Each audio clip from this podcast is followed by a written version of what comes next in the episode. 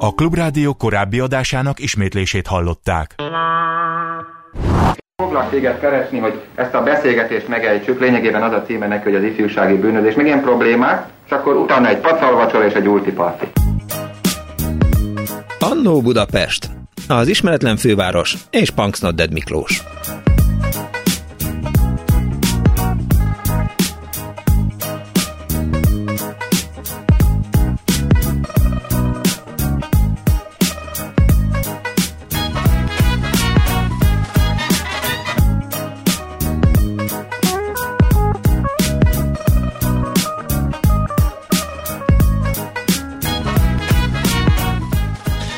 Napot kívánok a kedves hallgatóknak! Ez a Klubrádió, benne az Annó Budapest az önök alázatos narrátorával. Telefonszámunk 2406953, illetve 2407953. Mai műsorunkban megpróbáljuk megtalálni azokat az embereket, akiket önök felnéztek, akiknek személyisége meghatározó erővel bírta az önök életének alakulására. Egy nagyszülő, egy rokon, egy barát, egy tanár, egy szomszéd, akik nem híresek, de kisebb környezetben sokak megbecsülését kivívták, vagy mondjuk olyan ismert emberek, sportolók, művészek, gondolkozók, gondolkodók, akik nagyban formálták az önök értékrendjét. Erről szól ma az Annó Budapest, és arra biztatom önöket, hogy az előzetes már nyilván hallották, hogyha gondolják, akkor osszák meg velem emlékeiket ezekről az emberekről. Tényleg az lehet Rokon, meg lehet Monspart Sarolta, lehet Juhász Játszint, lehet Kis Tamás László, de majd kiderül a műsor végére, hogy önök számára kik voltak a példaképek. Nekem például a nagyapám az nagyon sokáig példakép volt, nem tudom, hogy miért, de hát iszonyatosan felnéztem rá, hiszen hazajött a második világháborúból, megjárta a frontot, ott volt a hadifogságban, és aztán hazajött, és hihetetlenül szerette az ő kisunokáját. Ez persze lehet, hogy ilyen, ilyen egyszerű, szimpla rajongás, majd kiderül, hogy mi a különbség a rajongás és a példaképség között. Tehát a telefonszámokat elmondtam, van még Viber, illetve SMS számunk, a 0630 30 30 95 3, és a vonal túlsó végén itt van már velünk Szőnyi Ferenc részmesén. Szervusz, Feri, üdvözöllek! Szép napot kívánok a hallgatóknak. Blaskóval futottam reggel, és azt mondta, hogy mindenféleképp adjam át az üdvözletét. Üdvözlöm, köszönöm szépen. Hogy vagy, Feri? Változó. Na. Változó, hát nagyon sűrű napjaim vannak. A sport egy kicsit háttérbe szorult, és szorgalmas hétköznapok. Ilyen gyakorlatilag hétvégi nélkül. Aha. Azok számára, akik nem tudják, hogy Kiszőnyi Ferenc, amatőr magyar triatlonista, hosszú távfutó, hosszú távkerékpározó vasember, aki a tízszeres Ironman csúcstartója, ha jól emlékszem, azt Mexikóban állítottad be azt a rekordot. A tízszeres Ironman mit is jelent pontosan? Igen, igen, sokáig év, hat évig volt ez a világrekord életben, hogy úgy mondjam. Hát ez tulajdonképpen 3,8 km kellett úszni, 180 kilométert kerékpározni, majd egy maraton futni, és mindezt elég ügyesen és gyorsan megtette az ember, és tíz napon keresztül minden nap képes volt ezt hozni, talán a világ legjobb idejével, akkor, akkor lehetett világcsúcs tartani. Az én időm ez 11 és fél óra volt napi átlagra számítva minden egyes napon. Ez elképesztő, és persze aztán volt dupla Ironman teljesítésed, és föl sem lehet sorolni, tehát nem érnénk a műsor végére, ha föl sorolnánk azokat az eredményeket, amiket elértél. Melyik volt a legemlékezetesebb versenyed? Nagyon sok volt, tényleg nagyon merítés. Tegnap osztálytalálkozón voltam, 45 éves általános iskolai osztálytalálkozó. Aha. Nagyon érdekes, lenne egy ilyen dolog, hogy ilyenkor a gyermekek szemszögéből nézve, mármint hogy az akkori gyerekek szemszögéből nézve, hát bizony eléggé megövedett ez a csapat. Mi, na, na. mi képesek vagyunk magunkat még gyermekként vizionálni, arra emlékszünk volt, akivel azóta nem is találkoztam. Hm 20 évvel ezelőtt volt egy osztály találkozó, sokak akkori képei még a fejünkben. Hát, hogy melyik is volt a legnehezebb, hogy térjünk vissza a sporthoz. Hmm, kettő nagyon nehéz történetem volt, ami valóban komoly. Hell Ultra, Himalaya? Két két alkalommal teljesítettem a 20-szoros távú Ironman uh-huh. egybe szekcióját, 76 km úszás, 3600 km kerékpárolás és 844 km futás. Hihetetlen. nagyon törő, embertörő dolog.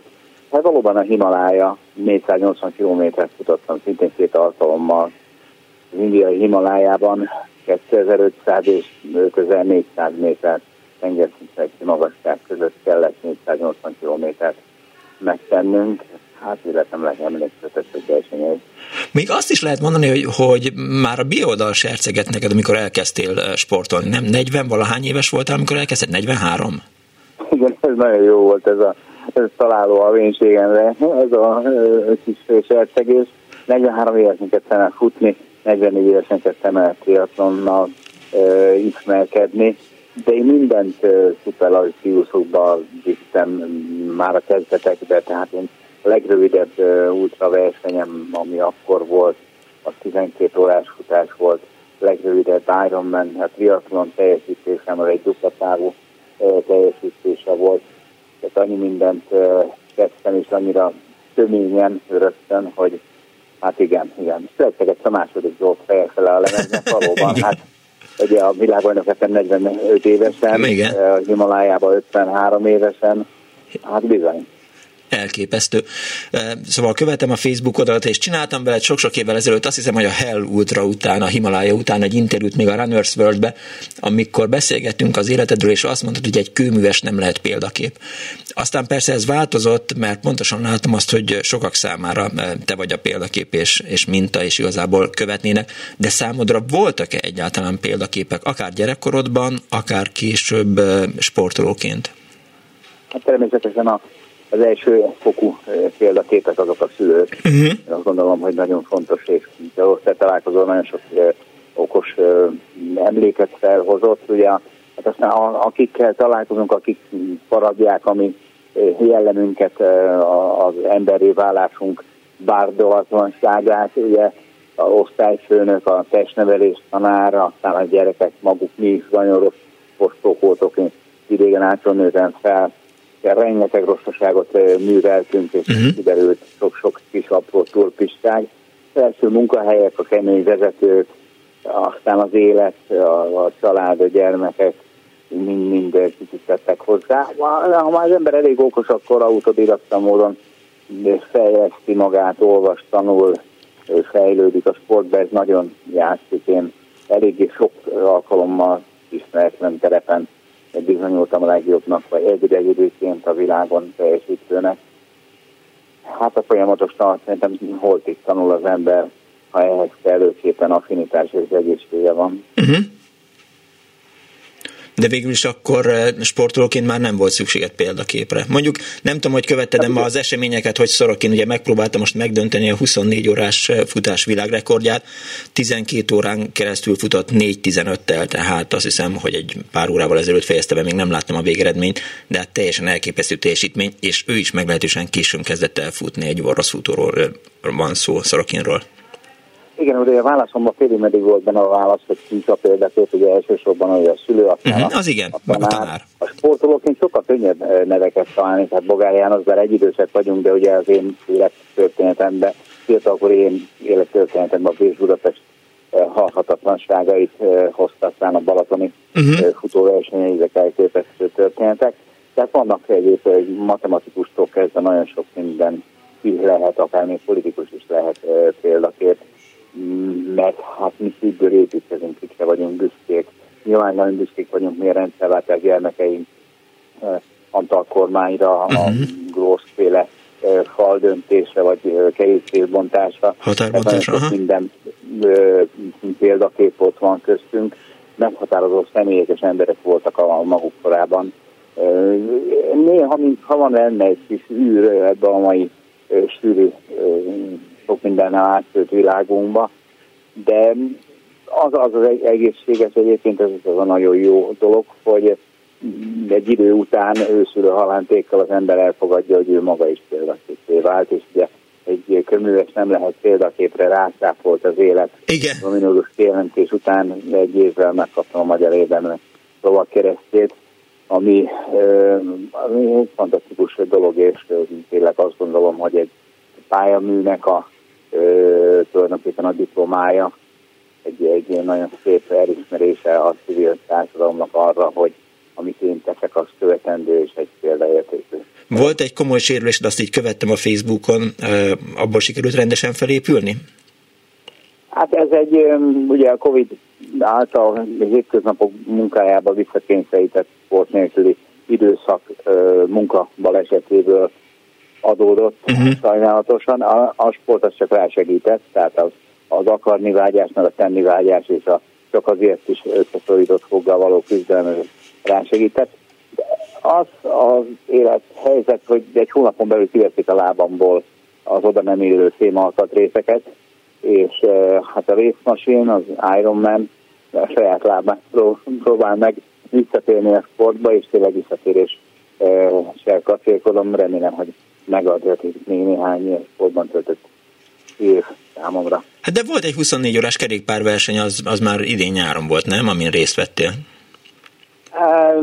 Nem jó szívvel gondolok rá. Na. Ugye a, a versenyzői jellem paradás vagy kialakulás az egy hosszabb folyamat, és ez a, ez a, ez a betegség, vagy ez, ez a műtét, ez eljáró, ugye az oda vezető út, amit elő, két ráutaló műtét előzött meg, illetve a sok-sok fájdalom meggyengített egy kicsit.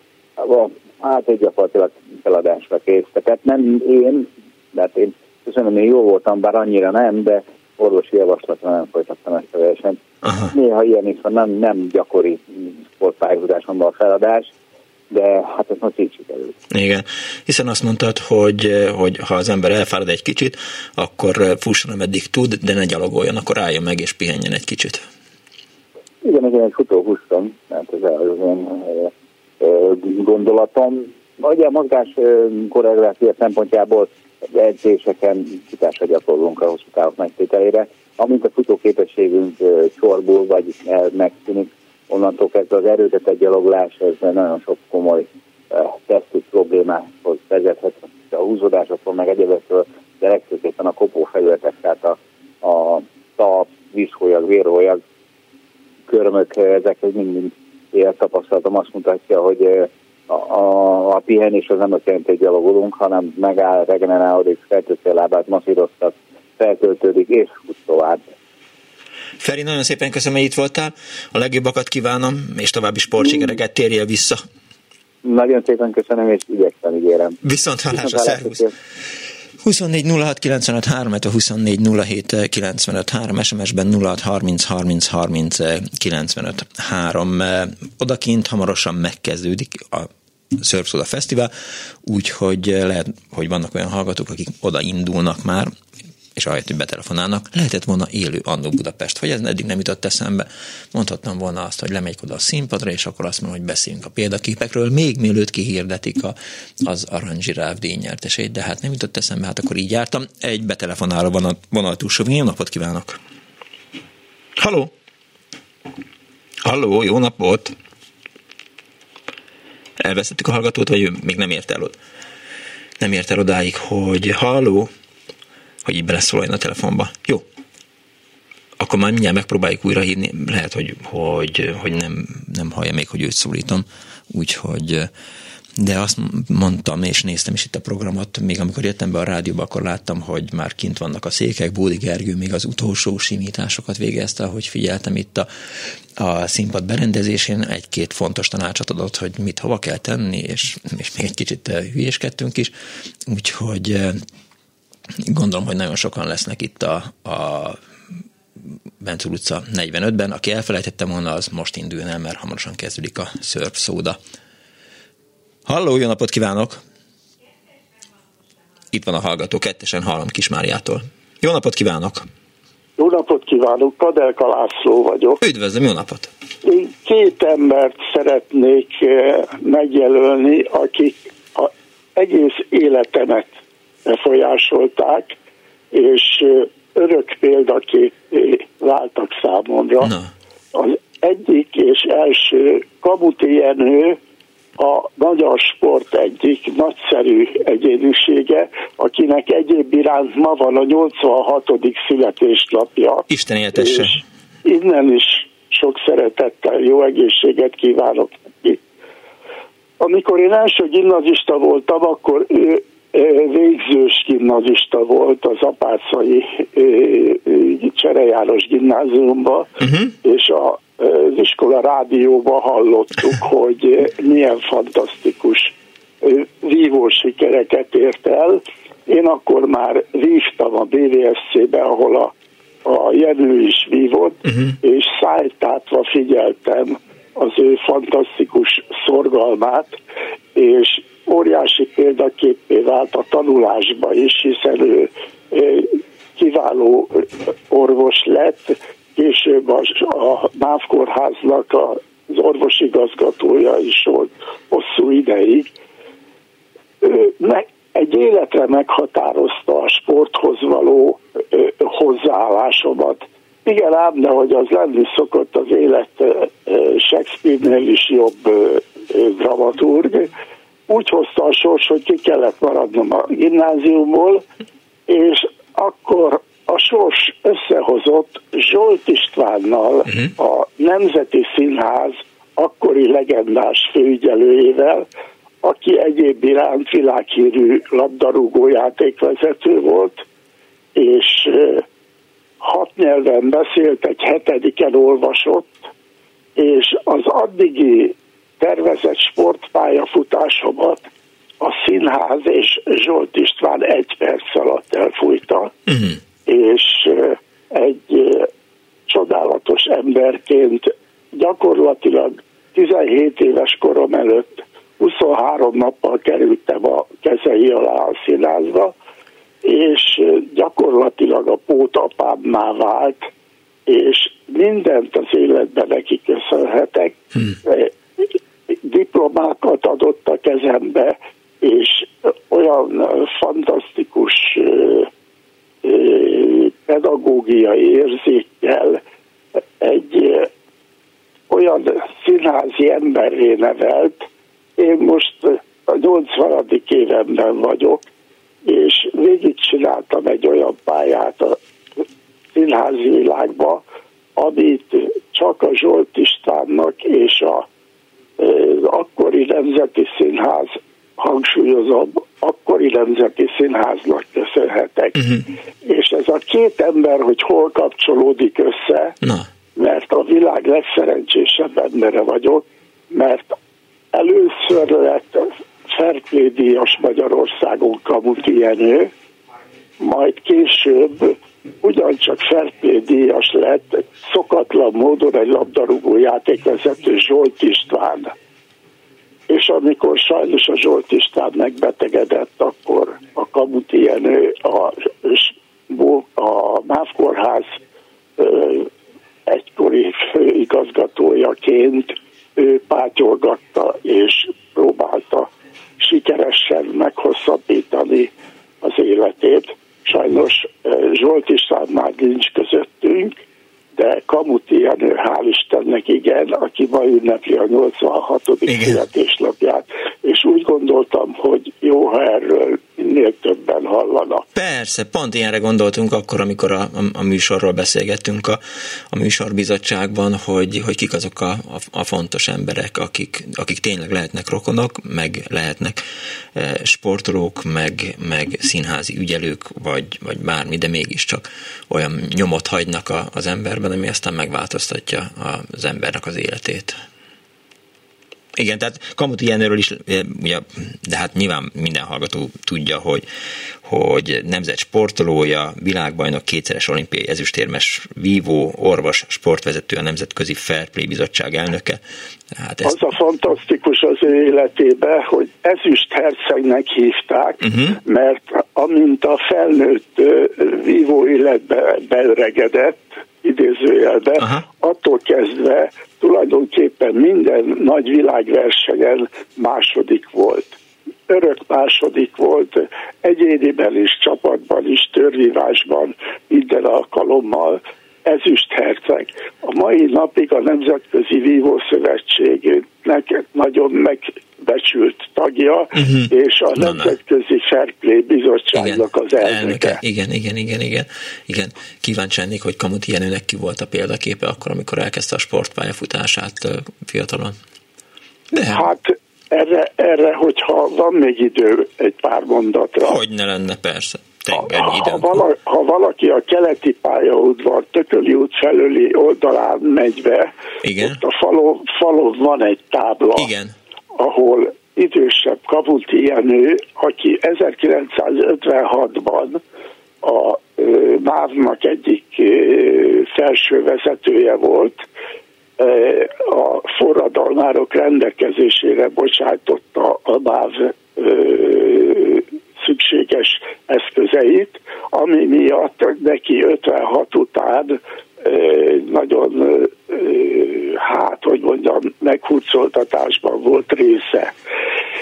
És a Jenő, akinek egy öccse is volt, Kamuti László, ő bár sajnos nincs közöttünk, ők ketten tulajdonképpen akkori időben az édesapjuk életéért vívtak, mert Baj Bélának köszönhető, aki a, a akkori időkben a magyar vívásnak a nagyapja volt, uh-huh.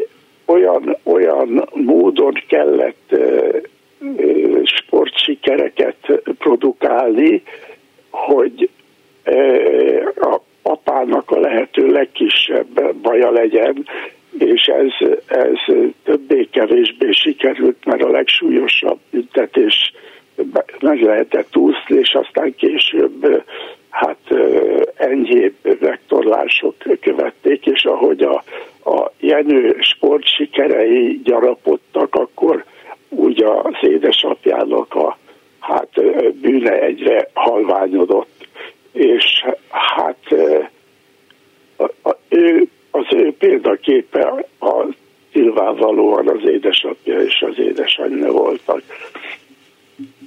Tiszta. Én szerettem volna mondani, örülök, hogy meghallgattak. További szép napot. Nagyon kedves, köszönöm szépen önnek is, és jó egészséget és mindent.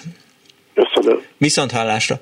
Viszont hallásra. 24 06 95 3, 24 07 95 3, SMS-ben 06 30 30 30 95 3, akikre büszkék vagyunk, erről szól ma az Annó Budapest, ha bukkannak még majd felhallgatók, ha meg nem, addig könnyű zenei felvételeket sugárzunk.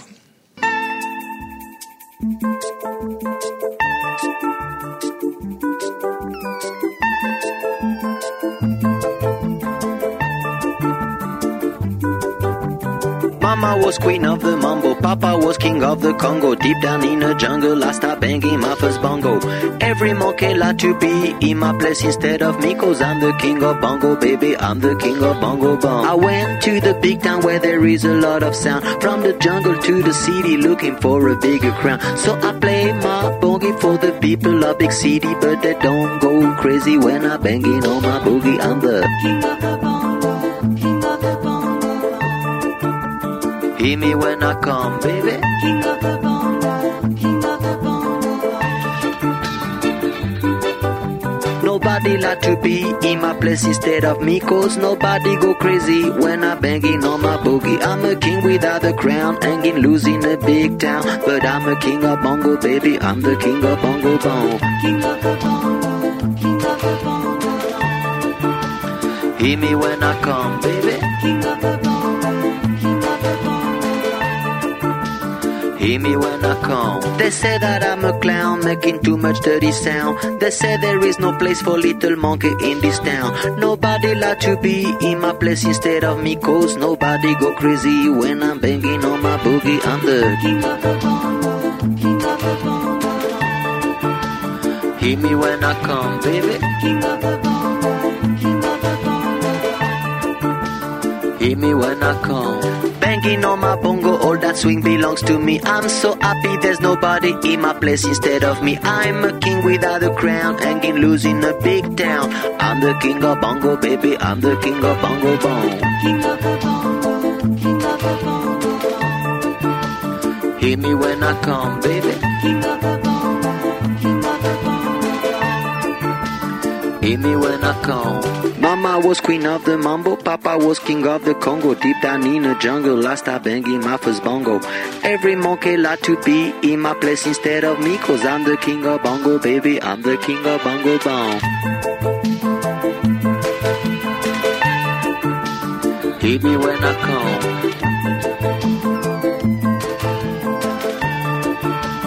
Hit me when I come.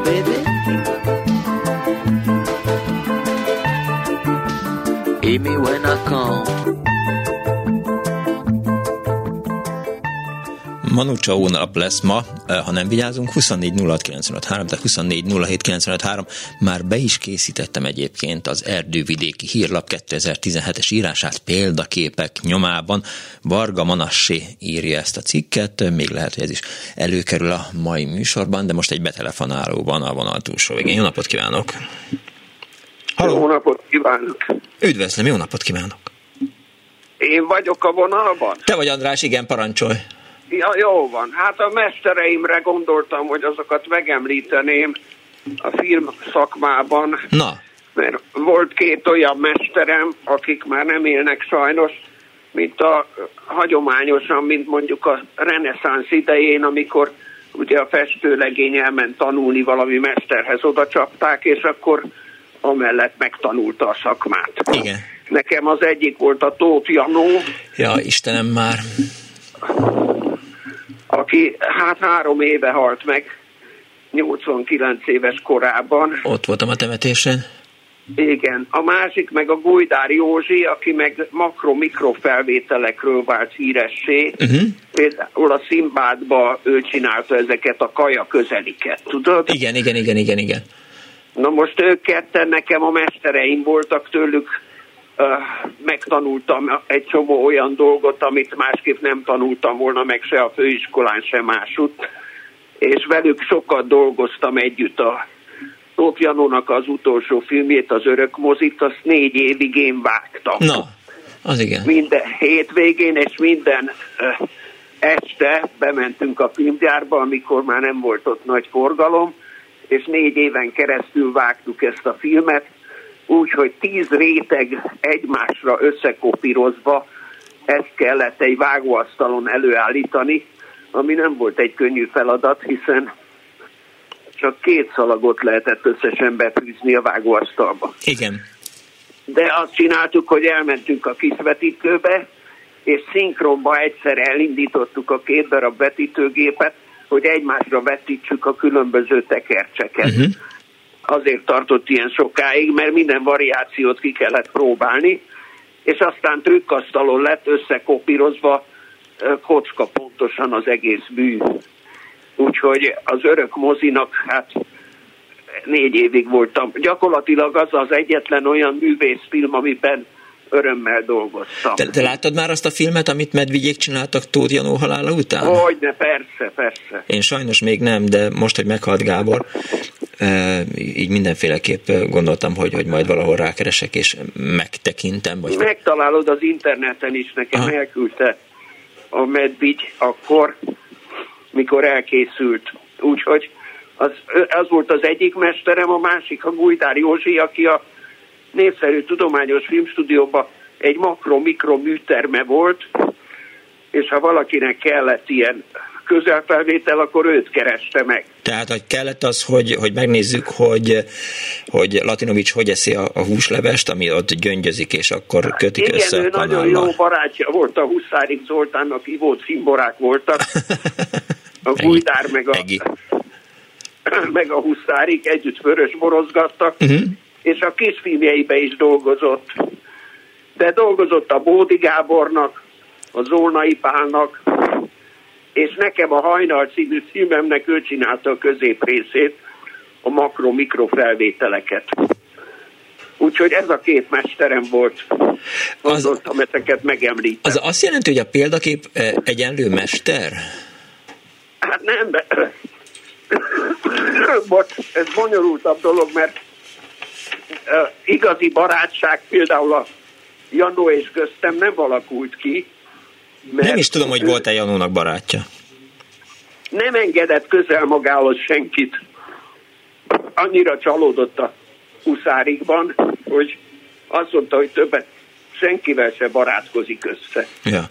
Mi minden reggel, amikor nem is tudom, hogy melyik filmet csináltuk a, talán a sarodi gyártáson, akkor a, a taxi, amik hozott be bennünket a filmgyárba, mindig megálltunk a Dob utcánál, ugye ott lakott abban a házban, ahol a Seres Rezső, korábban Presser Gábor, és mindig ott beszállt Janó bácsi, hát ugye a, a szokásos fekete egyenruhájában, a Igen. nyakában lógó viewfinderrel, és Igen. aztán behoztuk a filmgyárba, ő ment a dolgára, meg mi is mentünk a dolgára, de egy minden reggel ez egy ilyen egy alap volt. Janó egy úriember volt, de megszállott fanatikus volt, csak a filmezés érdekelte, és minden háttérbe szorított emiatt. Úgyhogy elég kegyetlen volt mellette dolgozni, de hát az ember ezt bevállalta, akkor végigcsinálta. Aha. És a Gujdár is, uh, Gujdár él még?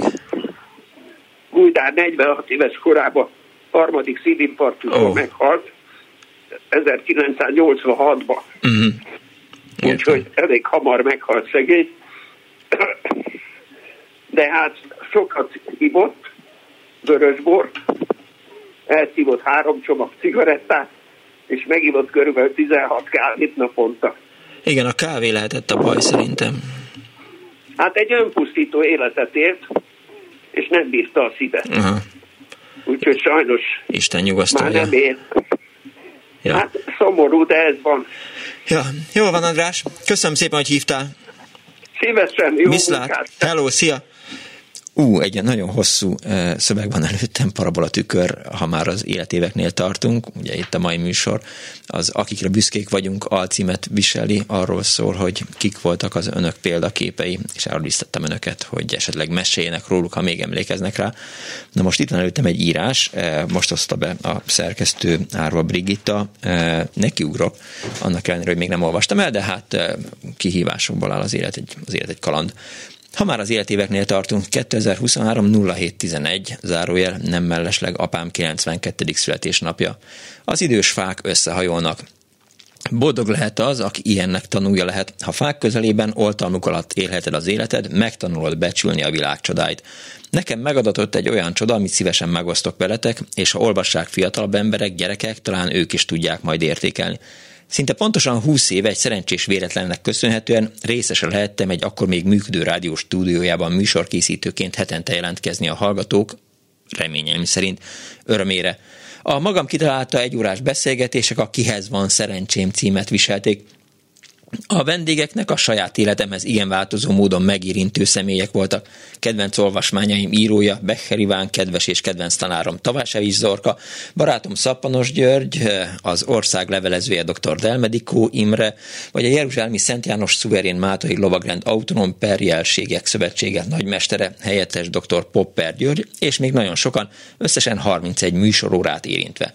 De az egyik legkülönlegesebb ember, akivel összehozott a jó sorom, sorsom, egy a fiatalságomat végigkísérő könyv a Matematika címűnek a szerzője, dr. Obádovics J. Gyula volt. Szüleim könyvtárának és tananyagának része volt, és én sem kerülhettem el a használatát. Amikor kerestem a neveket az emlékeim, emlékeimben, szinte az első között jött elő, és sikerült őt becserkésznem. A találkozás életre szóló élmény lett, talán nem csak hízágak magamnak, de bizonyos mértékű barátságá is lett ennyi év alatt. Egy fa, egy hatalmas ősfa lett az életemben. Szerencsés embernek mondhatom magam, mert a saját kertünkben is egész életemben egy ilyen hasonló fát kerülgettem. A gondozás a saját családjáé volt, de az árnyékában én is elfértem. Mi ebben a csoda, amit érdemes papírra vetnem? Van két professzor, egyetemi tanár, csodás szülő, bizonyítottan jó pedagógus, akik mindketten 1927 évében születtek. Bár szakmai életútjuk nem azonos téma körül forogtak, de fordítok. Gyula bácsi bajáról indult élete meghatározhatatlan széles skálán futott. A már 21 kiadást megírő alapművön túl más matematikát, számítástechnikát és tőlem még sokaktól igen távol lévő dolgokat érintő szakmai, de versekkel gyerekek számára írt vagy erotikus témákat fogadásból létrehozott kiadványokból áll össze. Tivadar az orvosi egyetem diploma megszerzése előtt a politika általi kitiltása után, mint műszaki mérnök, a magyar mérnök továbbképzés, a hazai szennyvíztechnika megfelelő módon való kitalálója, elterjesztője, és számos más tudás ismerője, oktatója. Többek közt a Bajai Vízügyi Főiskolán, a BM Egyetemen és más helyeken tanítva. Könyvei írásai szűkebb szakmai körben ismertek, hiszen nekik szólnak. A másik ősfa, dr. Antal Tivadar, aki az én szeretett nagybátyám, még az árnyékában lenni is nagy öröm, dicsőség. Nekem csak az az öröm jutott osztályrészemül, hogy ezt a két hatalmas ősfát tavaly a könyvét egyik napján sikerült összeismertetnem egymással. Ekkor éreztem először, hogy az ősfák összehajolnak. Bár akkor a dedikáció hamarosan elkezdődő rohama miatt hosszabb beszélgetése nem volt idő, de tegnap elkövetkezett a csoda, a fák susogása beszélgetés terebélyesedett. Úgy üdvözölték egymást, mint a tegnap álltak volna el ölelés, és már folytatták is a beszélgetést. Emlékszel, tudott a bölcsészkaron, ahol te is ott ültél, több közös pont került elő egy perc alatt, mint azt hitték, hihettük volna. Fantasztikus órákat éltünk át. Rajtam kívül Tivadar nagybátyám nagyobbik fia volt ott, tanulja ennek a csodás találkozásnak. Mostanában szokás a fákat kivágni, írtani, és helyette betont, aszfaltot kínálni, de az ilyen életerős fák mindenen áttörnének, és még sokáig virágoznak, miközben mindenki örömére hozzák a leveleiket, adják nekünk az éltető tudást oxigénnel társítva. További jó egészséget kívánunk nekik, hisz még csak 192 évesek együtt, írta a Parabola Tükör az Annó Budapest Facebook oldalán, és egy betelefonáló a vonal túlsó végén. Jó napot kívánok! Halló! Jó napot! Ja, Szevasz Miklós, itt a Dénes Vera. Szevasz Vera, üdvözöllek! Itt vagy. Halló, szia, hallalak!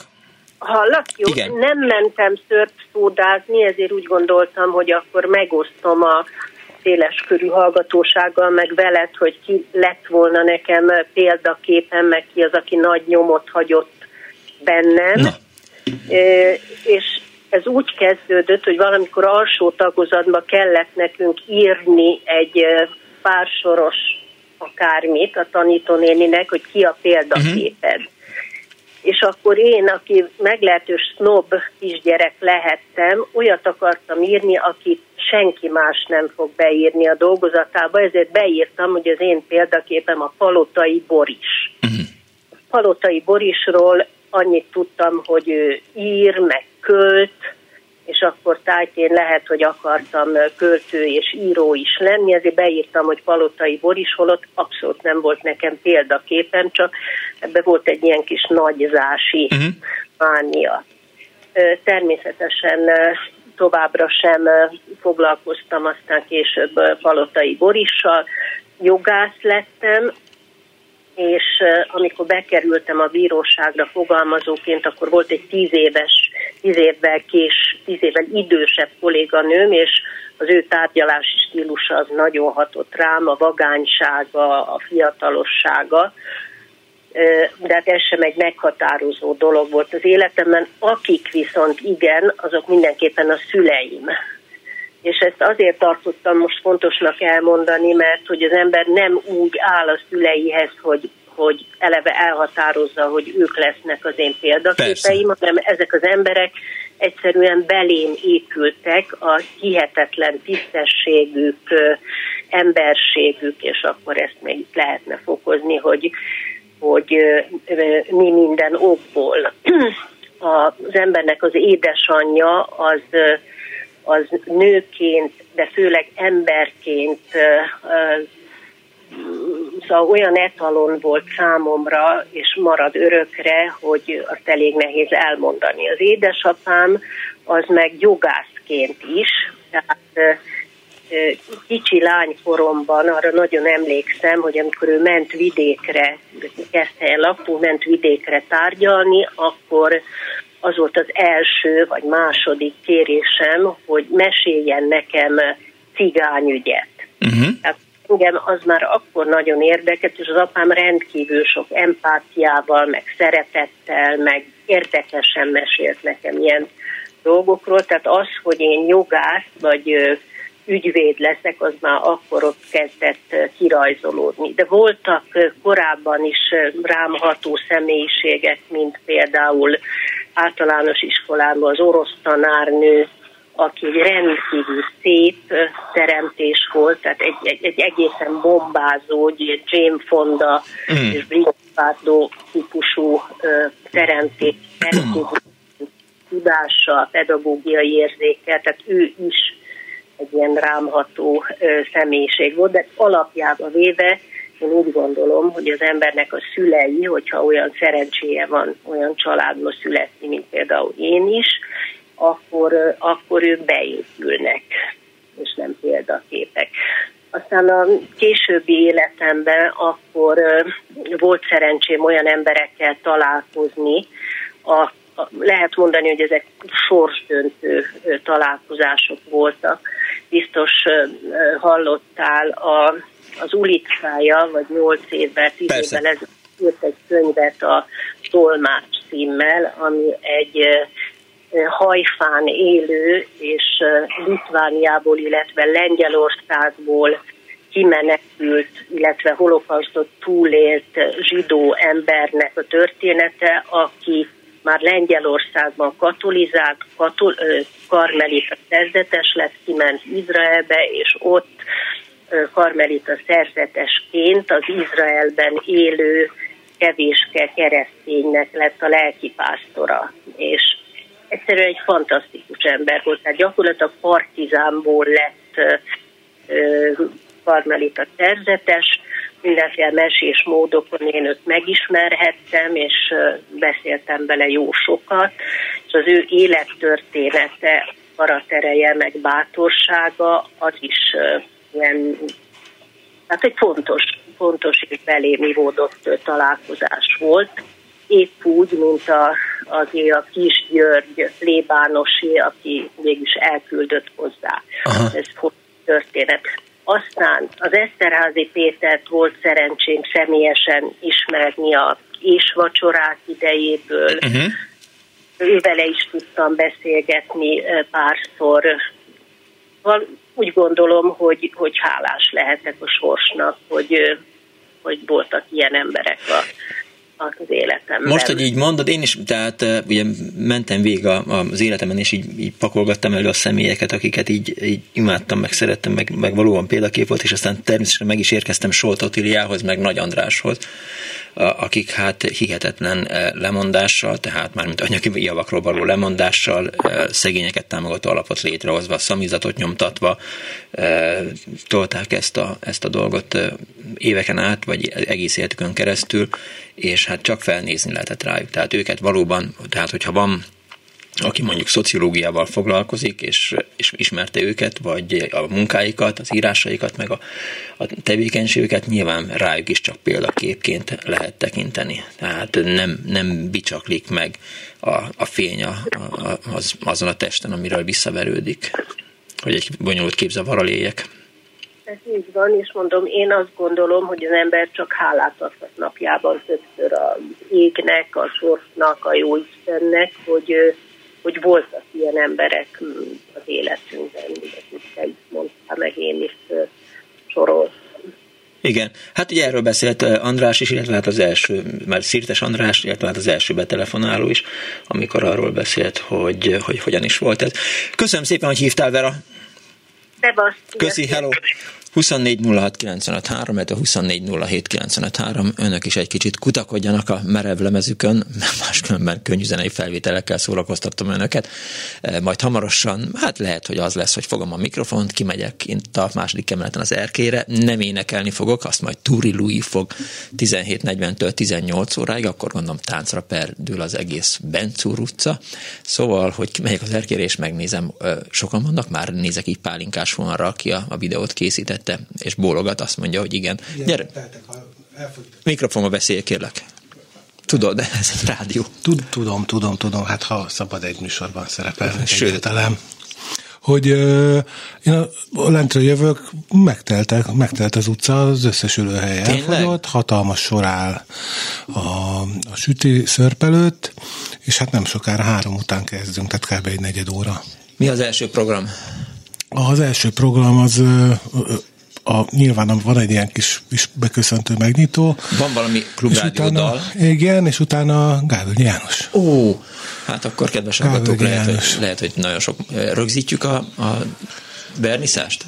Nem, az van, hogy tehát arra szoktunk figyelni, hogy, hogy hát el kell jönni, aki szeretne. Nyilván nem tud mindenki jönni. De van lesz, a de van, ne haragudj. Csak, ezt akarom mondani, hogy bizonyos részei élőben lesznek a Facebookon közvetítve, Aha. pont a Gálhölgyi művész úrnak a műsora, illetve a vele való kis rövid beszélgetés, az, azt élőben adjuk. Két évvel ezelőtt tudod, volt egy kép, amikor Gábor Jánossal beszélgetek, azt hiszem, vagy tavaly volt, vagy két évvel ezelőtt, ami pont olyan volt, mint valamelyik ilyen rajzfilmbe. Tudod, még a, a Léna nevű lányom csinált is belőle egy ilyen mémet, hogy egymás mellett állunk a, a, a Gálvölgyiben, nem láttad? Majd nem, nem, még az is lehet, hogy én csináltam. De csináltad? Nem, nem, tudom. De hogy melyik volt az a, az a Szerintem rajzfilm? Az animációs film, amiben a két szereplő ugyanúgy áll, mint ahogy én a Gávölgy úrral. Mm, majd mindjárt megnézem, utána nézek, nem emlékszem. Na, kösz. Szóval, hogy lesz arany, aranyzebra, nem zsiráf. Ahogy, Azt mondtam? Igen, egyszer véletlen aranyzsiráfot mondtál, de hát Rajtad meg egy elefánt van éppen állat, a pólómon. Szóval, hogy lesz az aranyzebra díjátadás, azt is élőben fogjuk adni. Volt aranyzsiráf valamikor, nyilván az valami popzenei Hát az volt a volt. Magyar Hanglemezgyártók Szövetségének, tehát a Mahasznak a díja, az az aranyzsiráf volt. Ugye egy ilyen kis zsiráf matrica igen, volt igen, mindig igen, a igen, hivatalos igen, kiadványokra rakva. Na, de mi aranyzebrát, zebrát fogunk osztani. Nagyon, nagyon kíváncsi vagyok, hogy kinek lehet eh, gratulálni. Köszönöm szépen, Pálinkás van volt itt a vendégem egy pár percig. Néhány hallgató... Igen, egyébként egy időben a nagyapám volt a példaképen. Azt majd, azért, azt majd megbeszéljük, hogy miért jó amikor nagyapám átsielt Finnországba. Azt írja a hallgató SMS-ben példaképeim Nádasdi Ádám és Lang Györgyi, fantasztikusak ők példák, nekem írtak Gábor Budapestről. Egy másik hallgató szintén SMS-ben Winston Churchill, aki személyében nem példaképem, de három mondása számra példamutató, mi a hosszú élet titka, no sport, csak semmi sport. Ha visszavonjuk a kultúra költségvetését, akkor minek nyerjük meg a háborút, és az a javaslata, hogy Hitler feletti győzelem után nem lenne szabad megállni Moszkváig, írta a hallgató a 0 30 30 30 95 3-ra, és egy betelefonáló a vonal túlsó végén. Napot kívánok! Jó napot kívánok, Miklós! Szia! Hello! Levei Sándor vagyok, itt már hallgattam a eddigieket. Egy sportra volt egy kicsit kiélezve, de hát ugye én is a no sport mellett vagyok. De milyen, miért volt a sportra? Tehát jó, hát volt a Szőnyi Feri, igen. volt a Kamuti Jenő, aztán nem, más sport nem volt. Hát mert hát jó, Dénes a feelingét, feelingére gondolok, de nem baj, tehát ez most csak így közlés volt ilyen szempontból. Csak így gondolkoztam azon, hogy a példaképet kicsit átkonvertálni valami egyébé, ami szintén pozitív. Mester de, vagy hát, rajongás? Igen, a mester, a mester is jó, kiváló, amit mondtál, mert ugye arról van szó, hogy nekem, hogyha visszagondolok itt az elmúlt nem tudom én már mennyi időre, 20 év vagy valami ilyesmi, nem tudom, pár, két évtizedre, akkor így akarva akaratlanul is találkoztam. Az a paradoxon, hogy a szüleimnél idősebb művészekkel, akikkel dolgoztam együtt, akikkel valami produktumot hoztam létre, ugye könyveket általában ebbe futott ki ez a együttműködés. Mm. És az egyik oldalon van a, van a csalódás, ami akaratlanul benne van egy kapcsolatban, valami miatt kialakul, és utána van a másik a fájdalom, amikor a jóval idősebb mester vagy művész, akivel dolgoztam, meghal, és akkor nekem van vele egy, jó kapcsolatom volt, és akkor nagyon fájdalmas ez. És akkor de, de, de valahogy végig, tehát nem tudom elengedni. Hát mert árulás az, hogy meghal, hát hogy jön ahhoz, hogy meghaljon? A, leg, a legdrasztikusabb az volt, és ez nagyon érdekes, hogy nekem van egy, volt egy könyvtervem a, a tavalyi előtti évben, aminek a fele, félig meddig meg volt csinálva, és egy nagyon jó kapcsolatot alakítottam ki a Ragály elemérrel, uh-huh. aki akkor már, hát még nem volt beteg, de akkor készült egy könyve, el is küldte nekem a telefonomra a borítót, és akkor beszélgettünk a, a nyomtatásról, meg egyébről. És ő írta volna nekem a könyvemhez a, az előszót, ő rektalálta volna az egészet, mert ezt egy híres párizsi fotóművésztel készítettük, de sajnos um, hirtelen megszakadt a kapcsolatunk, amikor jelezték nekem, hogy beteg. És akkor én valahogy nem tudtam mit tenni. Én úgy értem, hogy ilyenkor nem illik jelentkezni, mm. nem illik beszélgetni. Nem tudtam eldönteni, mi a helyes. És a következő volt, az egyik napon, és ez március 30-a volt, utólag derült ki, nem tudom ezt így nem tartani általában, de 30-án egy viszonylag kellemes időben, autóban ülve, éppen azon gondolkoztam, néztem az utat, hogy milyen jó, hogy ez a dolog van, hogy ez az élet értéke, hogy az élet igazi fölmutatható magaslata, nem csak az edési vása, nem tudom, hanem hogy vannak az ösztönökön felül magasztos dolgok is. majdnem olyan, mint az Isten például. És uh, mikor megérkezem, akkor kidottam a telefont, és akkor egy teljesen privátilag küldött kis tábla jelent meg azonnal, amiben az volt, hogy meghalt Ragály jelenél. Ennyi volt. Mm. Na most ez egy olyan hatással volt rám, hogy úgy ketté vártam, mint a föld, ketté nyíltam, és olyan iszonyatos űrt kezdtem érezni, ami természetesen közhely, és ezért a tudomány ezt nem jegyzi fel ezt a mondatot, de um, utána néhány nappal kezdődött igazán ennek a hullámzása bennem, hogy, hogy az a legnagyobb érték, amit elveszítünk, amit nem tudunk megtartani. És ő sokkal több volt annál, mint akikkel összesen eddig életemben dolgoztam, vagy találkoztam, uh-huh. hogyha mindent összegyúrnánk, se lenne annyi, mint ami ő volt. És itt van, nem tudok már vele mit kezdeni, nincs semmi, nem marad semmi. Jó, megmaradnak a filmek, meg sok de hogy az igazi emberi közeledésnek ez a fajta finomsága, érzékenysége, igazsága, tisztasága, ez oda van, ez oda veszett és akkor ebben a veszteségben láttam meg az igazi értékét az ő személyiségének is. Hát meg nyilván Ehhez, annak a felismerése, hogy a legnagyobb tévedés, tehát hogy soha ne higgyük el azt, hogy, hogy ha ő beteg, akkor, akkor lehet, hogy rossz, mi keressük. Tehát én jártam igen. így, és, és ez a legnagyobb tévedés. Igen, igen. Igen, csak valahogy ilyenkor úgy éreztem, hogy... hogy Persze, sokan ér, érzik úgy, meg azt mondják a rokonok, meg azt mondják a barátok, nagyon beteg, á, ez ne, de, de, de, tehát, hogy, hogy, hogy mm, kihagyhatatlan pillanatokról nem szabad lemondani, tehát, hogy igenis jelezni kell, fel kell bukkani, meg kell jelenni. Aztán majd, ha ő Igen. azt mondja, hogy nem akar látni, akkor majd nem lát, akkor majd eljövünk öt perc után. Igen, de az is nagyon kellemetlen, ha ezt mondja valaki. Tehát, hogy az igazi mesteri ahogy mondjam, az a fura, hogy ebben a viszonylag rövid kapcsolatban több mesteri intelen és sokkal több emberi tanítás volt, mint ami az összesben benne volt valaha is. Egyet mondjál.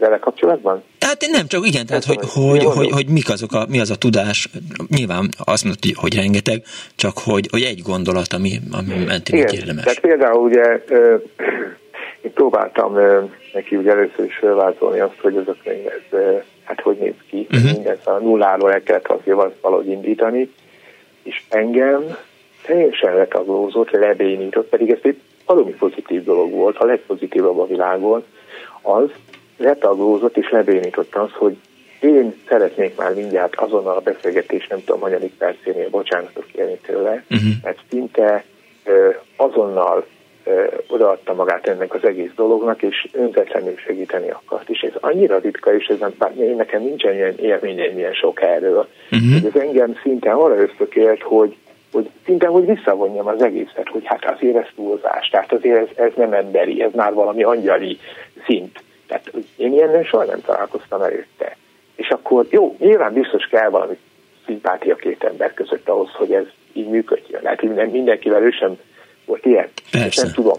De hát akkor is ez annyira letaglózott engem, és akkor utána eszembe jutott az, hogy egy ismerősöm mondta, hogy halál előtt néhány héttel az elmúlásról beszélt bizonyos embereknek, fölhívott embereket, és akkor beszélt még róla. A saját elmúlását is ebbe belevitte. Uh-huh. És egy ilyen cselbenhagyásos gázolást éreztem magamban. Ez a lelki ismeret, ugye ez a, a keresztények azt mondják, hogy a szent élet munkálkodása. Ezt éreztem magam, most mindegy, hogy hogy nevezzük ezt. Uh-huh. Hogy uh, valakit cselben hagytam, aki valóban föl tudta mutatni az életnek a legnagyobb értékét, ami a szeretet, ami a megértés, ami a tisztelet, ami a másiknak való segítés, az egyévállás ebben a uh-huh. közösségben. Ezt uh, húztam keresztbe azzal, hogy nem kerestem időben. És ezt tudom, hogy, és erre nem lehet, a, hiába beszélnek a pszichológusok erre, és semmit nem ér. Hát megtörtént, ezt nem lehet Igen. semmivé tenni. Ezt nem lehet eltenni, mert ez ilyen. Ja. Ezt ezen szenvedni kell, ezt hinni kell magata. De most szerintem az igazi mester és tanítvány kapcsolatnak ez a pátosz a lényege. Ez a pátosz a lényege, és hogyha egy művészről van szó, de akár is sportolóról is, mert mondjuk ott is az eredmény miért szinte művészileg kell harcolni, akkor a katarzisban, amikor elér valamit, egy művészalkotás, meg fogja érezni, hogy ennek az értéke ott van ebben a katarzisban, amit ettől a tanítvány, tanától, vagy mestertől, vagy példaképtől kapott. Ott van benne. Ott fénylik föl. Köszönöm szépen, hogy hívtál. Köszönöm én is. Szia. Viszont hallásra. 24 07 953, illetve 24 07 953 példaképekről beszélünk, azokról, akikre büszkék vagyunk. Hívjanak, ha nincsenek itt a Szörszóda Fesztiválon, de persze innen is fölhívhatnak, tehát belefér, és akkor beszélgessünk. Mert ez a kis éppen olyan jó, és éppen azt teszi, amit kell. Annó Budapest, az ismeretlen főváros és Punksnodded Miklós.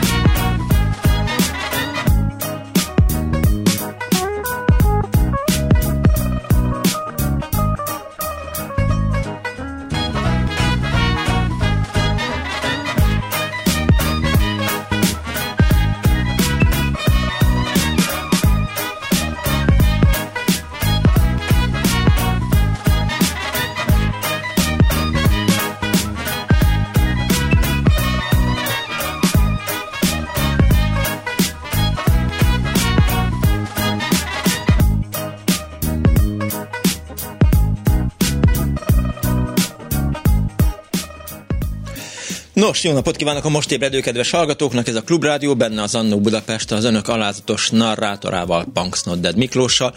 Ma a példaképekről beszélünk, a műsor alcíme, akikre büszkék vagyunk. Telefonszámunk 24 illetve 24 SMS-ben 06 30 30 30 illetve a Viberen is ez a szám működik.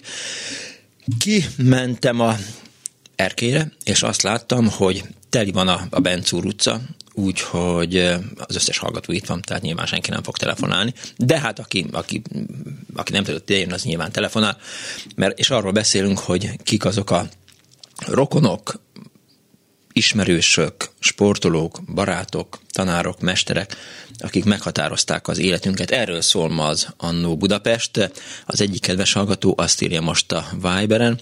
Szép napot kívánok, kutakodtam az emlékeim között, de példaképet nem találtam. A becsületességet, tisztességet, szorgalmat viszont a szüleimtől tanultam, és tovább tudtam adni a gyermekeimnek. Remélem az unokámnak is üdv Zsuzsanna. Illetve azt írja Sikító Fűrész, dr. Éles Béla színművész, aki kétszer hozott létre a semmiből jól működő színházat, és azután, hogy mindkettőből kitúrták, 68 évesen létrehozott egy harmadikat, az Éles színt, amit a haláláig irányított, lassan három éve nincs velünk, tehát ismét egy példakép került elő itt az annóban, és egy betelefonáló a vonal túlsó végén. Napot kívánok! Szerkusztot, Jutri vagyok. Szia! Szia, hello, hello! Szia, szia! Hát én 35 éve jártam először itt főiskolára, és akkor a doktor, hát Ereszt Sándor volt a a tanárunk nem volt doktor, de, de én akkor is egy professzornak tartom. Aha. Ugye én 35 éves voltam, éppen ilyen vállás kellős közepén, tehát az, hogy mit tanított, az tényleg az, az is csodálatos volt, de az, hogy, hogy egy igazi ember volt, hogy, hogy minden oda lehetett menni a, a, a magánéleti problémákkal, a, a, a pici adalék, hogy voltunk színházba, a, a volt férjem mögöttem ült, a, akkori barátnőjével, és hát én azért eléggé kiborultam. Hát hogy ne. A, a barátnőmmel voltam, és soha nem akart a három nővér nekem, igen, uh-huh. és soha nem akart velem eljönni, és aztán másnap, amikor volt a fősulé, és mondtam a tanár úrnak, hogy hát látta rajtam, rajtam lehet látni, igen, hogy mi, vagy bajom van, és akkor azt mondta nekem, hogy te Judit, az egy idegen ember.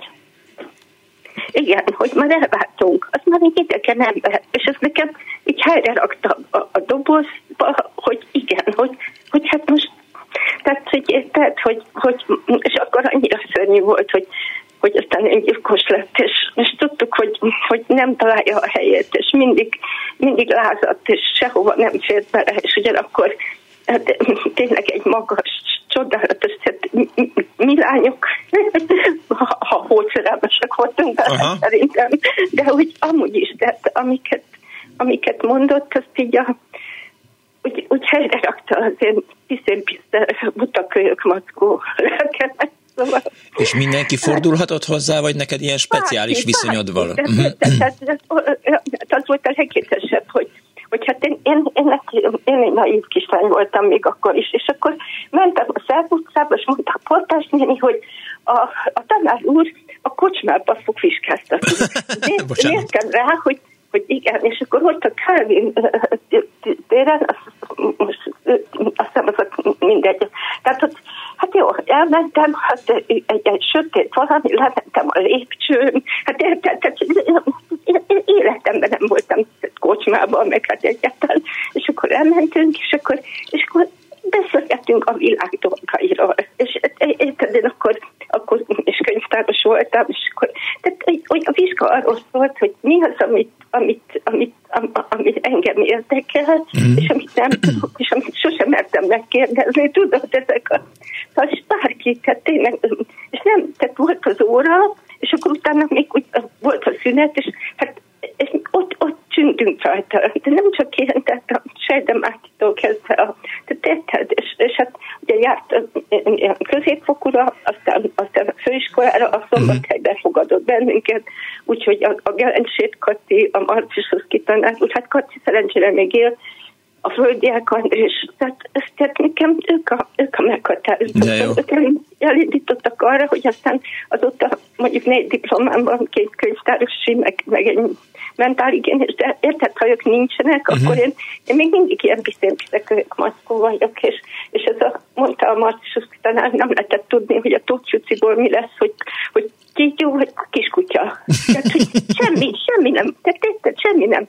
Én erőszakos voltam, be, be, benyomtam magam, soha nem voltam fölmelelve, tehát tudtam, hogy hogy nekem most oda, oda el kell menni, biztos volt már olyan neked is, hogy tudtad, hogy ott, ott, ott neked lesz. Igen. Ami, és én kilogtam persze, mert ugye műveldés szervezők voltak, műveldési házban dolgoztak, érted, én meg ugye a könyvtár magányában, szóval, és mégis fantasztikus. Tehát nekem, én úgy érzem, hogy soha, soha nem múló szeretettel, aztán hát elmentem a sírjához, de hát borzasztó. Egy dobozban van, farkas étel, uh-huh. Oh, Bocsánat.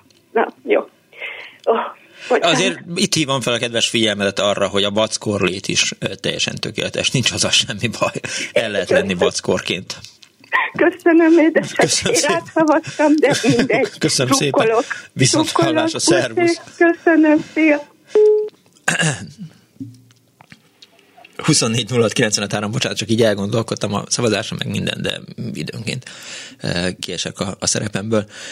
Na, bekészítettem egy cikket, Somogy megyei hírlap 2014, de van egy hallgató a vonal túlsó végén. Jó napot kívánok!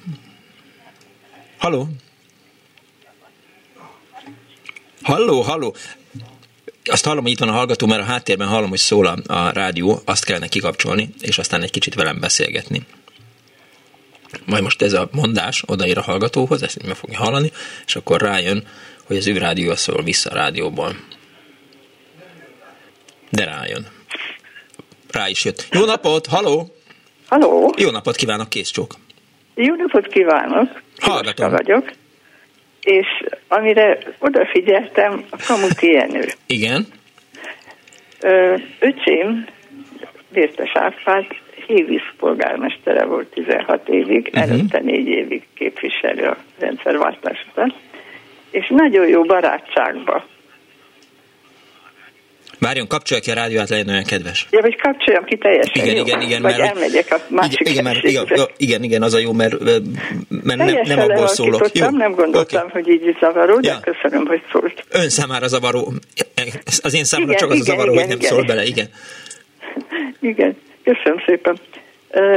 Tehát öcsém, nem tudom, meddig tetszett jól hallani. Hévízen, hévízen volt, igen, és aztán igen, előtte, előtte, meg négy, előtte négy évig képviselő, igen. Na, itt nagyon-nagyon sokszor fordult meg, és volt öcsémnél uh, Kamuti Jenő doktor uh-huh. úr, uh, és, és hát nagyon-nagyon jó barátságban voltak.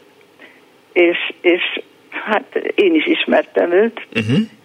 Árpád öcsém három évvel, én egy évvel vagyok fiatalabb, mint Kamati Ernő. Aki ma 86 éves, tehát akkor, igen, akkor igen, így igen, ma a születésnapja. Igen. És öcsémet felhívtam, mert ő most is évzenő, uh-huh. és nagy szeretettel üdvözli őt. Aha. Ha mód van rá átadni. Hát mindenféleképp persze. De, de hát nyilván... És, és hát ő is olyan, olyan hihetetlenül hát szépeket, jókat, és csak-csak-csak-csak jókat. De mi volt a kapcsolat Kamuti Jenő és az ön testvére között? Barátság, mert ugye az Árpi öcsém is nagy-nagy sportember. Ja, értem, tehát a sport. Volt, és uh-huh. neki köszönhető Hévizen, hogy csodálatos csapat volt, ő volt az edző, uh-huh. és, és csodálatos sportpályát létesített, és hát nagyon sokat tett, mint polgármester is, de anélkül is, úgy, mint drága édesapánk, aki a saját zsebéből Zala megyében hihetetlen sport életet teremtett, uh-huh. és, és hát az édesapámnak a száz éves volt a sportpálya, ügyén, Zala megyébe, Igen? amikor is egy domboművet helyeztek el az uh-huh. ő tiszteletére a sport létesítmény falára. Igen, azt gondolom, hogy még mindig jobb, ha, ha sportolók a példaképek, mint ha politikusok. Egy kedves hallgató... Így van, így van, így van. Igen, egy kedves nagyon hallgató most nagyon, azt írta... Nagyon jó tetszett ezt most mondani. Azt írta egy hallgató SMS-ben, hogy középiskolás, hogy középiskolás korában Csegevara volt a példaképe. És el is hiszem, csak azt gondolom, hogy Csegevara képe akkor finoman szóval és nem volt annyira árnyalt, hogy, hogy mindent tudjunk, érezzünk az ő dolgairól, hogy, hogy, hogy teljes és ér, ér, nyilván érti, hogy mire gondolok, csak erre, ezért gondoltam, hogy, hogy inkább hogy sportoló. Az ember mint... fiatalon az érinti, ami megérinti, tulajdonképpen csak azt a részét akarja ismerni abból az emberből. Hát, vagy elzárják előle a többit. hát, igen, igen, igen, igen. Hát nincs mód, mint ahogy most sajnos ugye de Ön... hála Istennek, hogy még maguk vannak. Önnek volt példa? Persze, hiszen mindenkinek volt példaképe. Igen, na most ezzel folytatnám, hogy nekem olyan hihetetlenül, biztos mindenkinek a szülei a leg, leg, leg de a mi szüleink, mi öten voltunk testvérek. Uh-huh. Mind az öten úgy mentünk nyugdíjba, hogy a csúcson hagytuk abba. Na most ez a szüleinknek volt köszönhető a tevékeny szeretet, vagy cselekvő szeretet az, ami uralkodott hmm. a mhm. levegőben, és soha nem szavakkal fejezték ki azt, hogy most ideállj, odaállj, ezt tedd, azt tedd. Hanem? Amit megígértek, az igen volt, amit nem, az nem volt. Eszünkbe nem jutott, hogy megkérdőjelezzük azt a nemet, hogy miért nem. Aha. Mert olyan hihetetlen tisztelet, olyan hihetetlenül, ugye gyermekként az ember nem így fogalmazta meg, de ma visszatekintve, ugye meg egyáltalán később már, amikor kicsit kinyílt a szemünk, akkor, akkor már tudtuk, hogy, hogy, hogy a mi szüleink valami kiváló, kiváló emberek. Na most például az, hogy, hogy az volt az édesapámnak a mottója, hogy aki kővel dob, kenyérrel dobd vissza. Na most ezt a szellemet mind az öten átvettük. Tehát uh-huh. nekem az a véleményem, és ezt most talán azért is mondom el, hogy a mai kor gyermekeit azok a szülők nevelik, akik mondjuk az én egyik fiam 62 éves, Ez igen. aki hála Istennek ugye az 56-ot sem élte meg. Uh-huh. Mert még nem ért. Tehát a nála fia, és ő már nagypapa, de én hála jó Istennek, hogy a két fiamat is abban a szellembe tudtam fölnevelni, mint amiben mi felnőttünk. És ez óriási. Nincs nekem, nekik is, a munka szeretete, és hála Istennek ők is a gyermekeiket. És én is ezeket az unokákat, megvan a közelség, megvan a a, a szeretet kapcsolat az az igazi szeretet. Hm. Ami, amit, amit megint csak azt tudom mondani még az unokáimat, hogy hogy a cselekvő szeretet. És ezt nagyon-nagyon üzenem, ha hallják szülők, hogy, hogy ez nagyon-nagyon fontos, hogy a gyermekkel a szülőnek a kapcsolata az élő legyen. Mert minden gyermek tényleg csak azt tudja magába szívni, amit a szülők lehelnek. Hát tudja, ilyen, tehát, hogy és mennyire nehéz helyzetben vannak azok, akik nem ilyen cselekvő szeretett légkörben nőnek fel, tehát akiknek Igen, ez, ez hát nem ez adatik meg. sajnos ma. És én nagyon nem is gondoltam, tehát akkor, amikor eldöntötte a műsorbizottság, hogy ez lesz a téma pénteken, én csak utána néztem meg itt, hogy az egyik barátommal beszélgettem péntek, egyik interjú alanyjal péntek reggel itt a, a rádióban, és aztán ők dedikálta nekem könyvet, és aztán csak otthon néztem meg, hogy egy nagy példaképemnek írta a, a, az író, és így nem is értettem, tehát így nem, nem jutott eszembe. Én nem gondolom azt, meg sosem gondoltam azt, hogy bárkinek a példaképe lehetnék, leginkább rossz példakép lehetnék, tehát, hogy azt nem kell csinálni, amit, amit én csináltam, de hát azért abban bízom, hogy, hogy a gyerekeim számára. Ugyan nem példakép leszek, de hogy, hogy egy olyan légkörben tudtak felnőni, lediplomázni, ami, ami meghatározza az ő gondolkodásukat, anélkül, hogy terelve lettek volna, tehát nem volt valami rájuk borítva, hanem egy olyan, olyan szellemi légkörben sikerült felnőniük, aminek, aminek a hatását pontosan látom visszatükröződni a tetteikben, gondolataikban, meg, meg értékrendjükben. Igen, igen, igen. Hát még azt, ha elmondhatom, hogy Hogyne. a drága bátyám, aki sajnos orvosi hiba miatt 77 évesen órákon belül halt meg. Uh-huh. Ő egy magkémikus volt, egy tudós ember, aki, aki olyan szerény volt, és, és, és mind az ötünkre ez volt jellemző. Uh-huh. De ő, mint egy ilyen hihetetlen világhírneve volt, ő Bétes Attila és, és magkémikus, Széchenyi Díjas akadémikus uh-huh. volt, emeritus professzor az eltének és tényleg Japántól Amerikáig, Németországig, Kínát, mindenhol, mindenhol ismerték a mhm. könyveiből, oktatnak.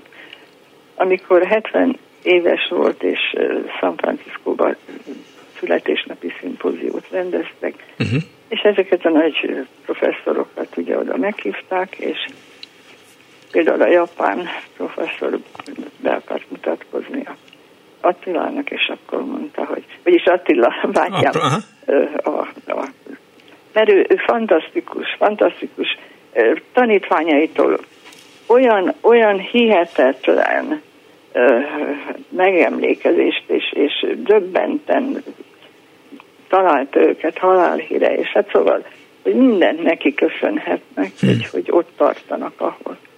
És többek között amikor ő válaszolt baráti üdvözlettel Attila. Szóval nem az, hogy most ő doktor Vértes yeah. Attila és professzor és stb. Tehát hihetetlen, úgyhogy amikor domborművet kapott az iskola falán, eh, ahol végzett általános iskoláit, illetve hát akkor ő csak négy elemit ott, és aztán folytatta a Keszthely Bajda János mhm. gimnáziumba. Uh-huh. És a Premontrei rend annak idején még és amikor ez a domborfal, ez a dombor falra került, akkor ugye volt egy, egy nagyon szép megemlékezés, és nem is előtte, és a Türén egy, egy csodálatos Árpád korabeli templomunk van, és hát én soha nem Türén élek, ugye csak én is 14 éves koromig éltem Türén, szintén kezdte gimnáziumba folytattam. De most nem is ez az érdekes, hanem hanem amikor volt ez a bizonyos megemlékezés, akkor hát én is egy pár szót ugye megemlékeztem drága bátyámról, és, és a lényege az volt, hogy mindig úgy élt, hogy nem érdem, hanem a Jóistentől adottság, amit ő kapott. És úgy élt és úgy dolgozott. És tényleg, mondom, ez a munka szeretete, ez is egy olyan hihetetlen, mondom, a mi magunk területén mindannyian és, és az unokáim és a fiú unokák, hát szóval fantasztikusnak, hogy, hogy, hogy mennyire fontos, és hogy mennyire lényeges az, hogy a szülő átadja, ha olyan szülei voltak neki is, mint a mi szüleink. Köszönöm. Úgyhogy a mi szüleink, például az egyik, a fiatalabbik fiam, mm. Zalában rezin volt, vagyis van egy kis érdekeltsége, és lele megy, és akkor azt mondja nekem egyik este, amikor felhívott, hogy tudod, Édi, édesanyja helyett Édi mm-hmm. vagyok. Jó szó. Uh, tudod, Édi, azért szeretek itt lenni, mert a nagypapa szellemét érzem a levegőben. Hm. Hát most is futkos rajta, nagyon érzem. Hát hogy ne. Köszönöm szépen, hogy elmesélte mindezt. Igen, hát akkor ez, ez ugye lehet. Ezek a szülők lehetnek. Igen. A család az család. Köszönöm szépen, hogy hívott. Köszönöm szépen én is. Kész csak a viszont hallásra. És 24 06 95 3, de 24 07 95 3. Egy betelefonáló a vonal túlsó. Jó napot kívánok! Jó napot kívánok, Fölös Jágnás vagyok. Kész csó. Hát úgy volt egy hete még, hogy ott leszek én is a Szörfesztiválon. Ezt szerdán elmentem a unokámmal, középső lány unokámmal hangversenyre, és másnap kiderült, hogy covidos, úgyhogy most oh. itthon vagyok, és várom, hogy kitöre rajtam, vagy sem. Uh-huh. De hát nagyon szívesen örülök neki, hogy példaképeimről azért beszélhetek. Hogyne. Több példaképen volt, de leges legfontosabbakat kiemelném. Az első számú az a ö, osztályfőnökön volt 5.-6. osztályban, uh-huh. magyar történelem szakos tanár volt, és hát Tamási Lajosnak volt a felesége, és ö, hát az ő teljes kiállása, a értékrendje, tehát nagyon-nagyon sokat adott a irodalmon és a történelem tanításon keresztül is, és utána nem volt az osztályfőnököm, és elment az iskolából, azután is évekig tartottam vele a kapcsolatot, tehát nagyon sokáig. A másik... Miért volt ilyen fontos tanár, ő? Bocs. Hogy miért, miért volt ennyire fontos ő? Nagyon szerettük egymást szerintem. Uh-huh. Tehát nekem ő egy, egy, egy, egy, egy annyira ideális életet élő nő volt, és annyira mm, át tudta adni azt a tudást, azt a, azt a, azt a szeretetet, ami az irodalomhoz fűzte meg, a, ahogy a történelmet is tanította, az, az teljesen uh-huh. olyan nagyon-nagyon emberséges volt. Értem. Ö, Na, tehát ő volt az egyik. Uh-huh. Az, hogy édesanyja volt, tanító volt, feleség volt, tehát ezt az életet azért úgy lehet látni, ahogy ő élt. És hát rendhagyó is volt, tehát nem teljes egészében úgy tanította, hogy, ahogy más tanár. Uh-huh. A másik nagy példaképem, nagyon meghatározó volt életemben, az zongora tanárnőm én korán kezdtem zongorázni uh-huh. vidéken, és akkor Budapestre kerültünk, akkor költöztünk, akkor ö, nehezen tudta elintézni apám, hogy, hogy folytassam a zenei tanulmányaimat, úgyhogy össze is veszett ezzel a tanárnővel, uh-huh. és akkor de azért én elkezdtem a tanulást más tanárokra, ő volt akkor a zeneiskolának az igazgatója, és a zeneiskolában az alapfok abba után, hát ugye abba hagytam a zongorát, mondom, hát jó, eleget zongoráztam, és viszont nem tudtam abba hagyni, tehát olyan október táján azt mondtam, hogy nekem hiányzik, úgyhogy elintézni, és akkor nehezen találtam egy zeneiskolát, és kiderült, hogy ehhez a tanárnőhöz kerültem. Hát ő volt a Gúd Zoltánné, uh-huh aki 104 évet élt, és 104 éves koráig is még tartottuk a kapcsolatot. Hát ő aztán mindent adott, tehát a zenén keresztül egy teljes világot.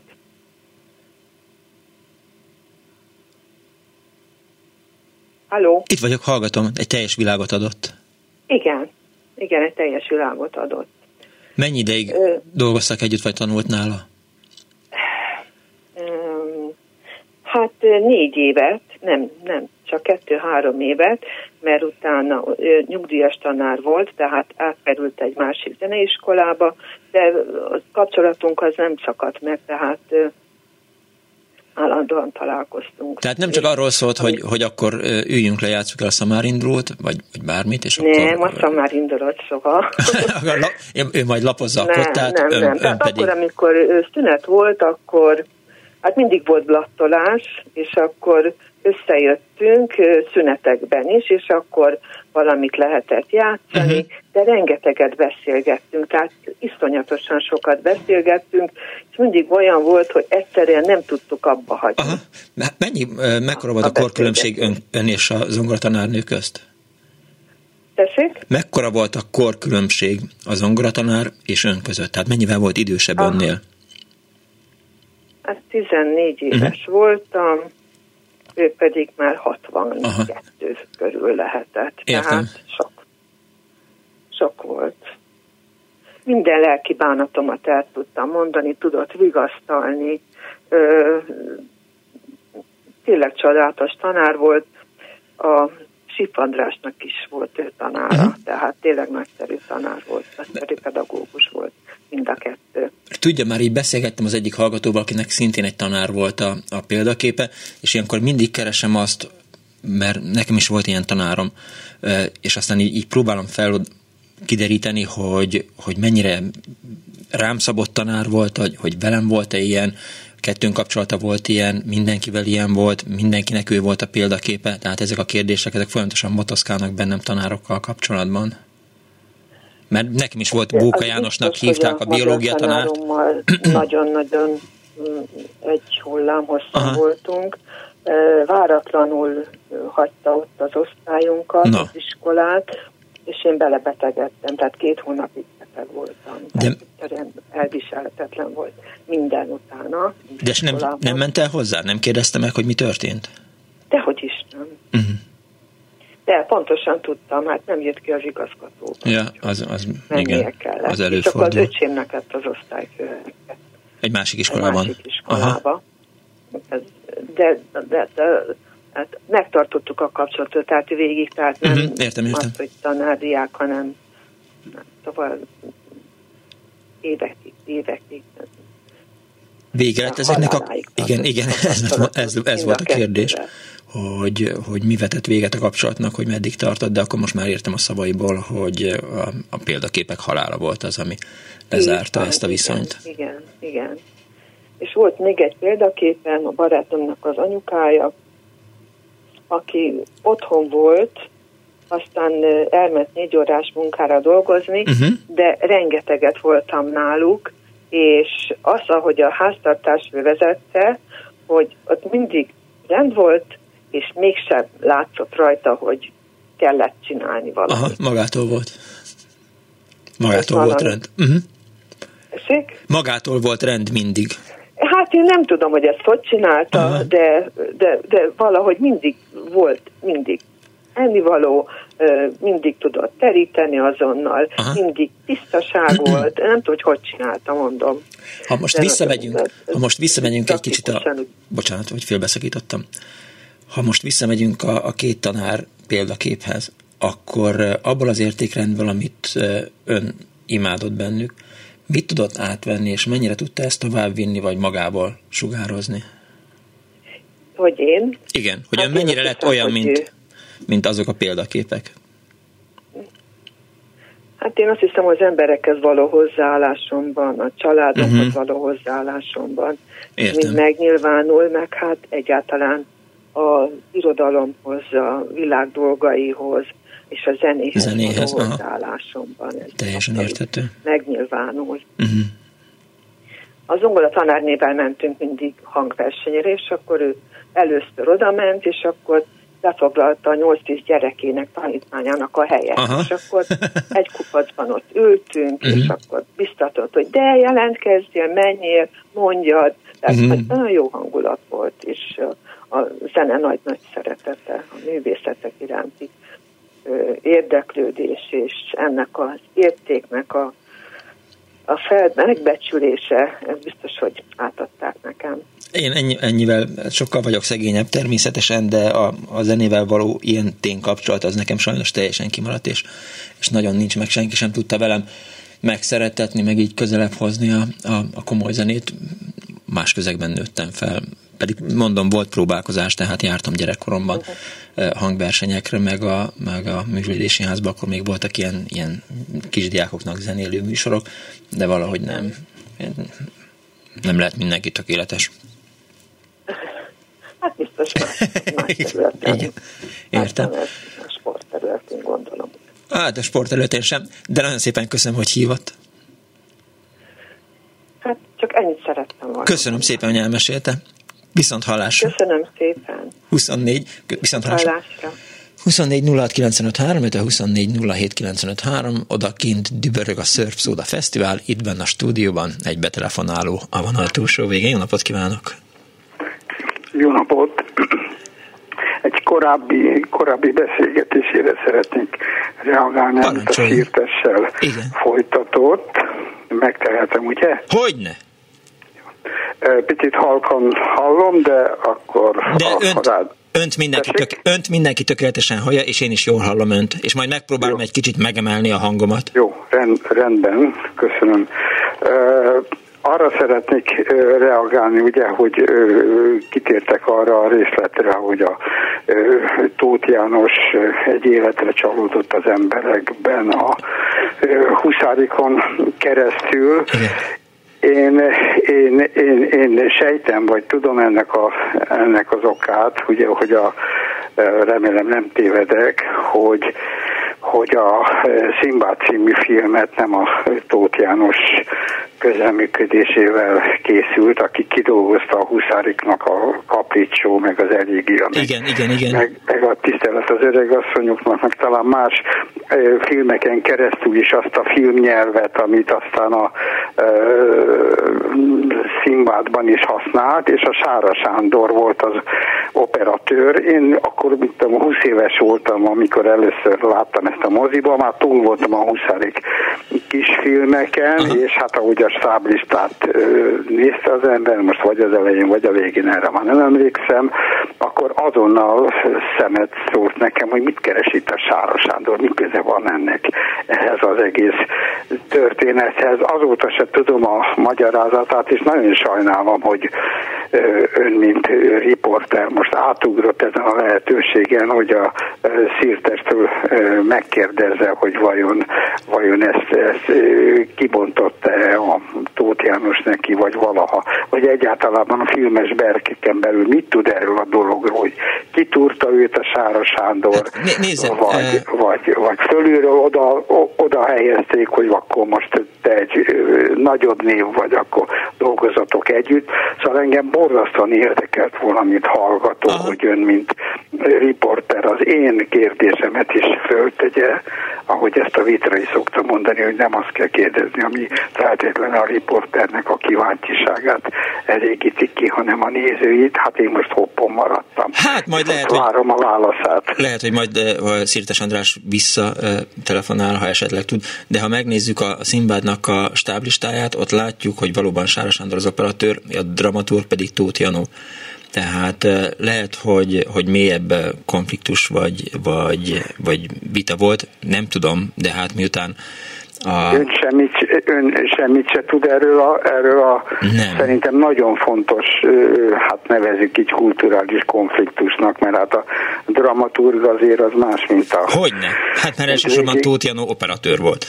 Hát azért mondom, hogy ezt végig vizualizálni ezt a dolgot, amit, amit, amitől megfosztották, hát, ennél nem, nem, is tudok nagyobb, nagyobb, nagyobb szomorúságot elképzelni, és borzasztóan szerettem volna hallani már egyszer valakitől ennek a pontos történetét, és most maga is egy kicsit átsiklott, átsiklott ezen a lehetőségen, úgyhogy... Hát azért ez nem egy olyan lehetőség, ami soha többet nem tér vissza szerintem. Jó, de hát az ön kezébe volt, volt, és nem is értem, hogy maga miért nem volt erre kíváncsi, hogy, hogy mitől, ha, ha más vonalon nem, hogy mitől volt olyan ember kerülő a Tóth, Tóth János, ezt se kérdezte meg. elfogad, ember kerül, ember kerül. Én is Kész, mert, vannak mert, ilyen emberek. Egy, egyrészt Ugye elfogadom ennek... az emberkerülést, tehát egy, te, egy teljesen valid érzésnek tartom, meg én is így éreztem, tehát mondom, tehát én ismertem Tóth Janót, meg, meg jöttem, mentem vele, de én elfogadom azt, hogy valaki egy kicsit nem kedveli az embereket, tehát nem tudom, hogy érte, hogy mire, miről gondolok. És magának semmit nem mondott erről a, erről a, erről a szörnyű konfliktusról, vagy nem. múltbeli, nem. Múlt, múltbeli keserűségről? Nem, nem, nem, de majd akkor ki fogom deríteni az önkedvéért. Jó. Köszönöm Nagyon kedves. Szépen. Köszönöm szépen. Köszönöm. Példaképekről kapcsolatban nem akar megszólalni?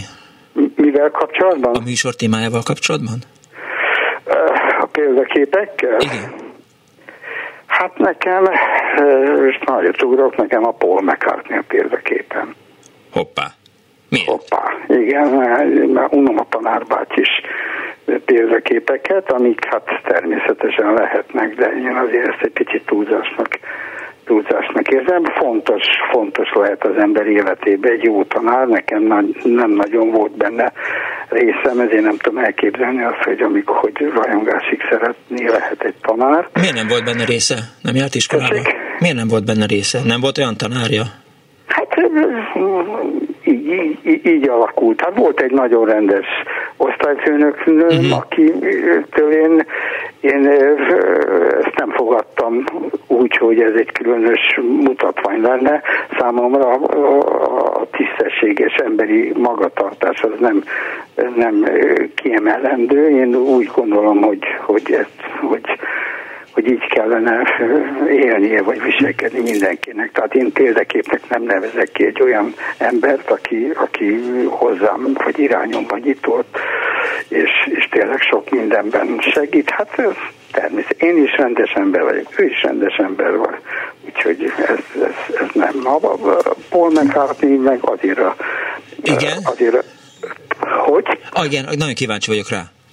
Na, hát egyrészt hát elképesztő életút, uh-huh. rettenetesen következetes, következetes építkezésnek vagyunk a tanúja hihetetlen, hihetetlen jó, jó ö, ö, személyiségnek látom, tehát Aha. egyszerűen mindazok a helyzetek, amiben akár riporteri, akár ö, privát, vagy koncert, vagy, vagy váratlan szituációk egyszerűen elképesztő természetességgel, és nem azt mondom, hogy nagy sztárokhoz miért természetesség, hanem egyáltalában uh-huh. a, a, a, a természetességet, hát itt most egy kicsit belezavarodtam, a dologba a, a hihetetlen szorgalmát, a, a figyelését a zenei történetekre, akkor a,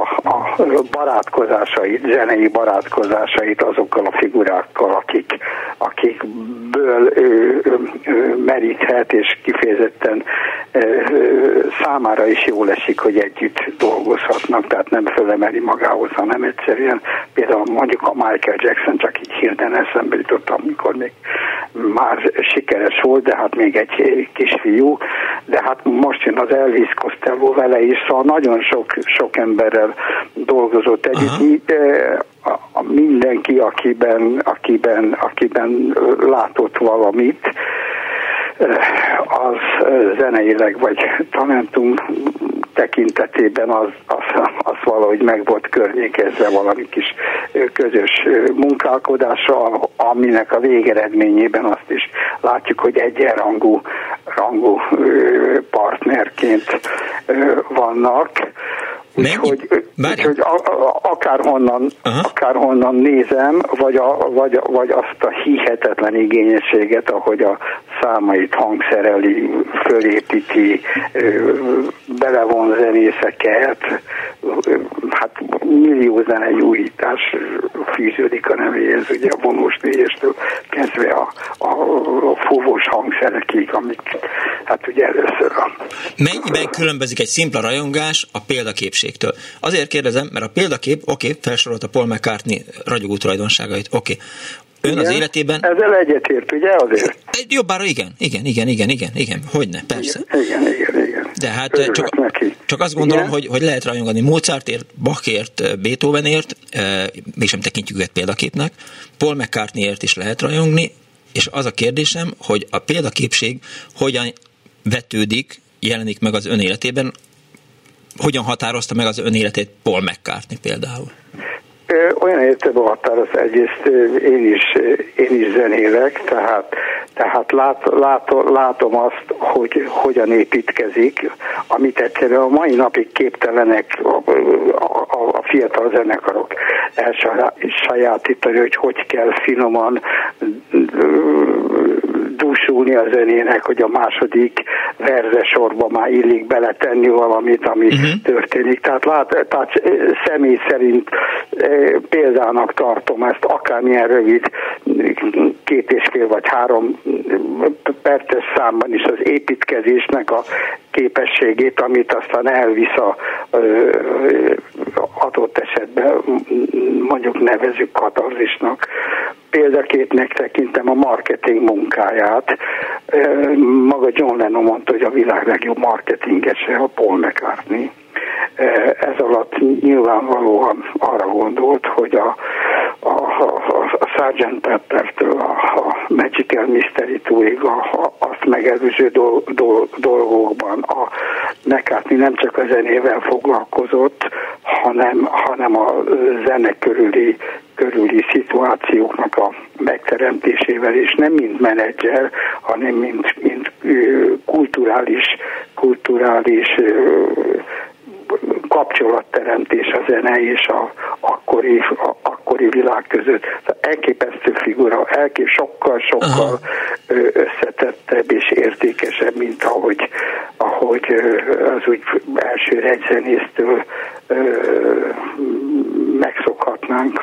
Hát ha mást nem mondok, mondom ezt az egész Sgt. Pepper történet kitalálása, hát ha semmi más nem csinált volna, mint ilyen marketing húzás, ami együtt összerántotta a zenekart, ami már egy kicsit a Lennonnak a mm. LSD-zése miatt kezdett egy picit széthullani, szóval millió rétege hát szerintem van. ott azért többen lsd de elfogadom azt, hogy rákenjük Lenonra az egészet. Nem, nem, nem kenyő. Hát egyrészt Paul volt az utolsó, aki kipróbálta, egyszerűen félt is tőle, de aztán nem tudta tovább, tovább tartani. A Lennon az tényleg szétesett, az, az, az akkor már nagyon szétesett, úgyhogy egyszerűen szükség, szükség. Hát ebből aztán konfliktusok is lettek, nem tetszett neki a vezérszerep szerep, és aztán amikor egy picit a Lennon a józanabb területekre tévedt, akkor áldás küzdelmet folytatott vele, hogy visszaszerezze a, a zenekar vezetői státuszt. Úgyhogy ez egy megint egy érdekes történet, és amikor Paul bejelentette, hogy vége a Beatlesnek, akkor örjöngött, hogy, hogy a Beatles-t én alapítottam, én mondhatom ki azt, hogy vége van. Szóval volt itt egy ilyen nagy küzdelem, miközben imádták egymást, de hát ez, ez, ez, ez így néz ki, mikor fiatal emberek. Vagy idős emberek, mint például Huszárik és Tóth Janó, ugye?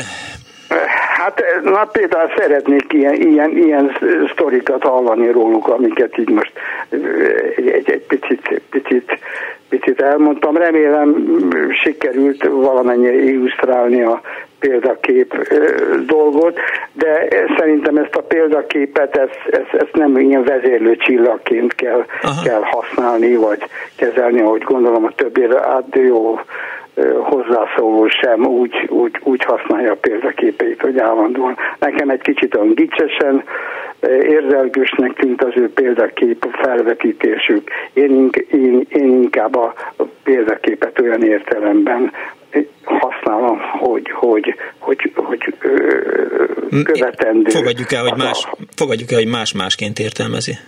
Ja, jó, elfogadok mindenkitől mindent, de akkor is az a véleményem, hogy, hogy Persze. egy kicsit az édeskés dolgok, dolgok felől, felől na, oké, okay, nem akarok föltartani a nem többieket, ahogy én is ideges lettem a sok beszédtől, úgy sok beszédnek, én... igen. Itt van a Szirtes András, úgyhogy hallgasson bennünket továbbra is.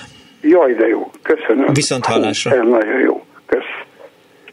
Hello, András. Most itt vagyok. Igen, hallottam, hogy ez az úriember, sajnos a nevét nem figyeltem, érdekelte ez a dolog. Hát nézd, van egy ilyen köz, köztudatban rosszul használt mondás, hogy halottról vagy jót, vagy semmit. Igen, mert ez Kiderült, nem azt jelenti. Hogy ez nem stimmel, mert nem. ez úgy van eredeti fordításban a latinból, hogy halottról vagy jól, igen. vagy semmit. Jól, Tehát vagy, vagy semmit, igen, pontosan. pontosan vagy igen, semmit. igen, igen, ez így pontos. Most elég nehéz helyzetben vagyok ez ügyben, mert ugye a mestereim közül, hát a Huszárikot azért nem említettem, mert vele mindössze kétszer találkoztam életemben személyesen, de a mestereim közül a Huszárik Zoltán, a Tóth Jano és a Gujdár József már egyik sem él. Ja, ja, ja, ja, ja. igen.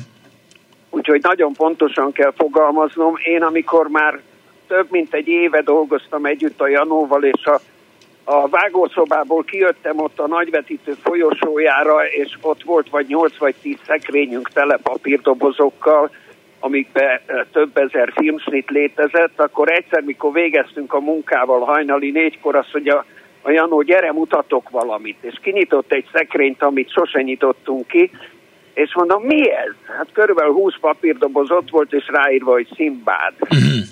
És mondom, mi ez? Azt mondja, hát ezek azok a fotósorozatok, fotóetüdök, amit én végig fotóztam, amikor végig terepszemléztük a Szimbádhoz az összes helyszínt. Ja, ja, ja.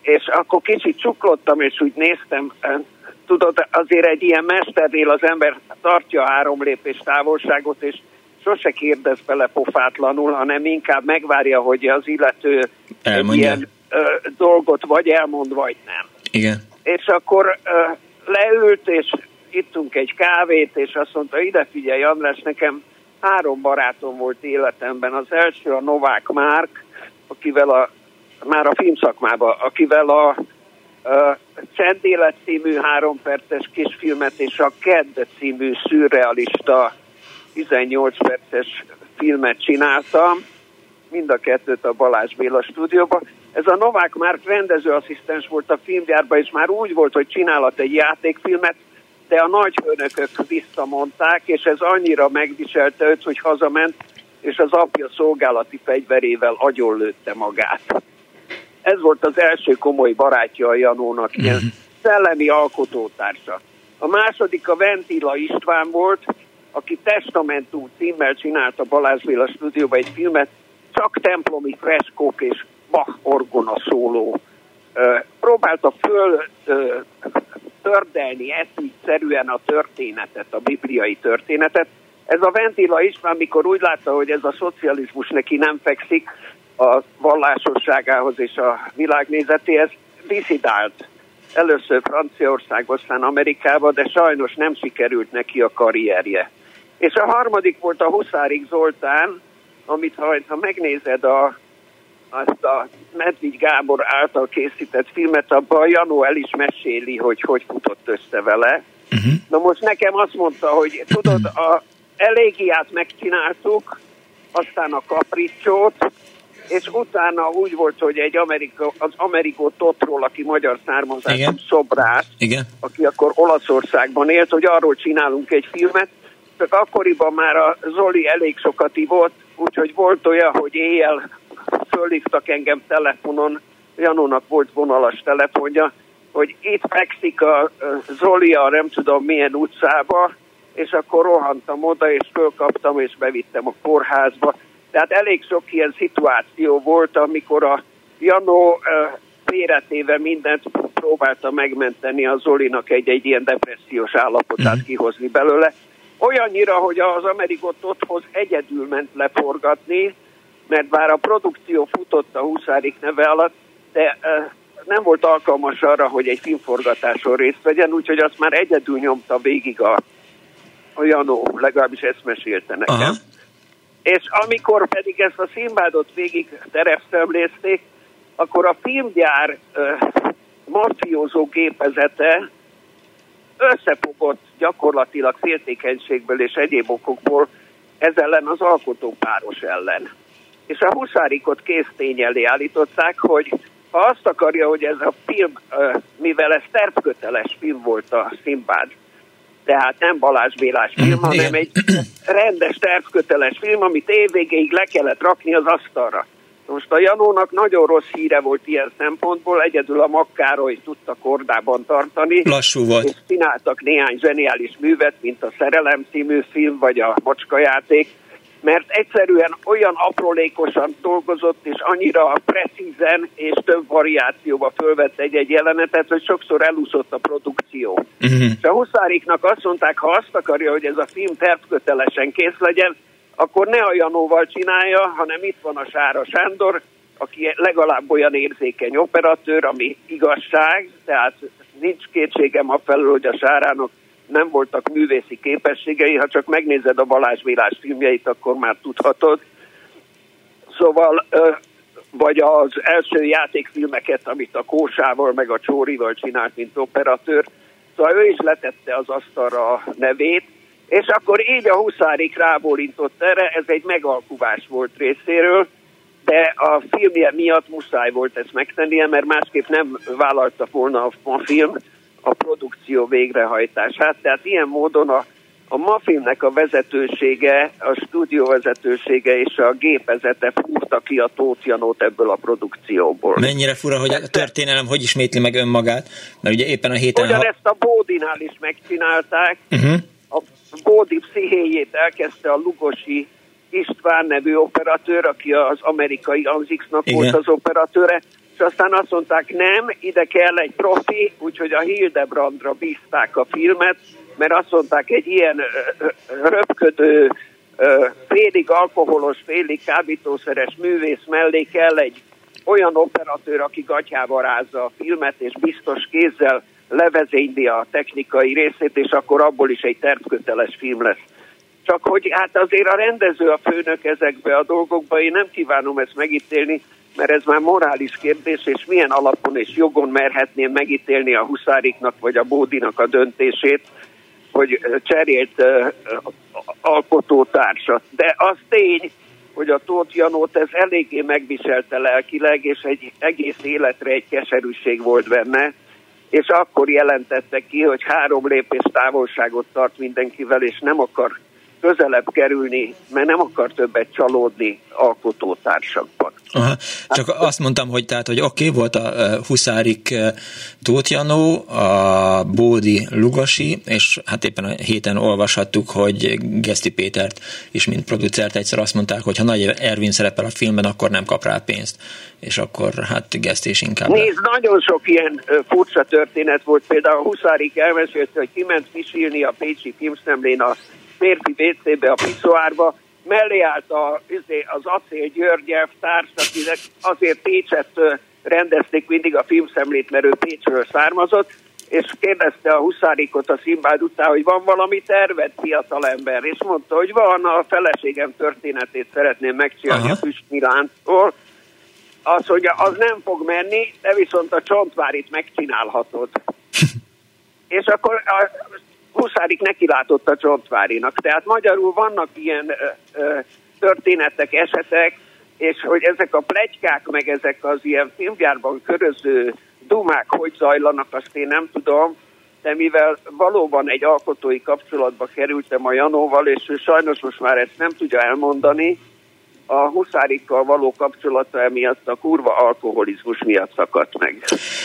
Köszönöm szépen, hogy visszahívtál, hogy elmondtad a kedves hallgatónak, meg természetesen számomra is érdekes Szívesen, volt ez. igyekeztem viszonylag korrekt lenni. Oké, okay, köszönöm De, szépen, András. Szívesen. Viszont hallásra. Azt írja egyik hallgató, Erika. Kedves Miklós, együttérzésem, a szörp szódával versenyeztetni a műsort több, mint sportszerűtlenség. Én ezzel nem értek egyet, műsort csinálni kell. Nem nagyon tudok hozzászólni, Erika, mert nagybetűs példaképem nem volt. Lehet, hogy ez defektus. Volt egy kollégium nevelőtanárom, akivel haláláig kapcsolatban voltam, sokat tanultam tőle. Latinos műveltség és karakán véleményalkotása számomra inspiráló volt. Álljon itt a neve. Lada Anna, középiskolai tanár. Remélem, hogy nem okozok neki csalódást, írta Erika a Vibren a 0630 30 30 95 3 most számon. Biztos vagyok benne, hogy nagyon sok betelefonáló itt van a, a Surf Fesztiválon, levegyek, majd élőbe fogok velük egy kicsit beszélgetni arról, hogy kik is a példaképek. Vicceltem természetesen. Nem, nem fog senkivel se beszélgetni, mindenki érezze jól magát itt a Surf Szódán. A műsor szerkesztője Árva Brigitta a műsor létrehozásában segítségemre volt az archívummal, Kardos Józsi a videóval, Pálinkás Fuan, a telefonokat Kis Mária fogadta, és hát egy rock and roll sztár a üvegfal túlsó végén, aki hamarosan élőben is megmutatja képességeit pultok és gombok nélkül, Turi Louis volt, mert Kemény Daniel jól megérdemelt szabadságát Bud Isrelben, gondolom egy jó Islert betol, az itt is van előttem az asztalon, tölti, úgyhogy egy hét múlva is lesz Annó Budapest. Én köszönöm megtisztelő figyelmüket, egy hét múlva találkozunk. Give peace a chance, Putyin rohagy meg, véhallás!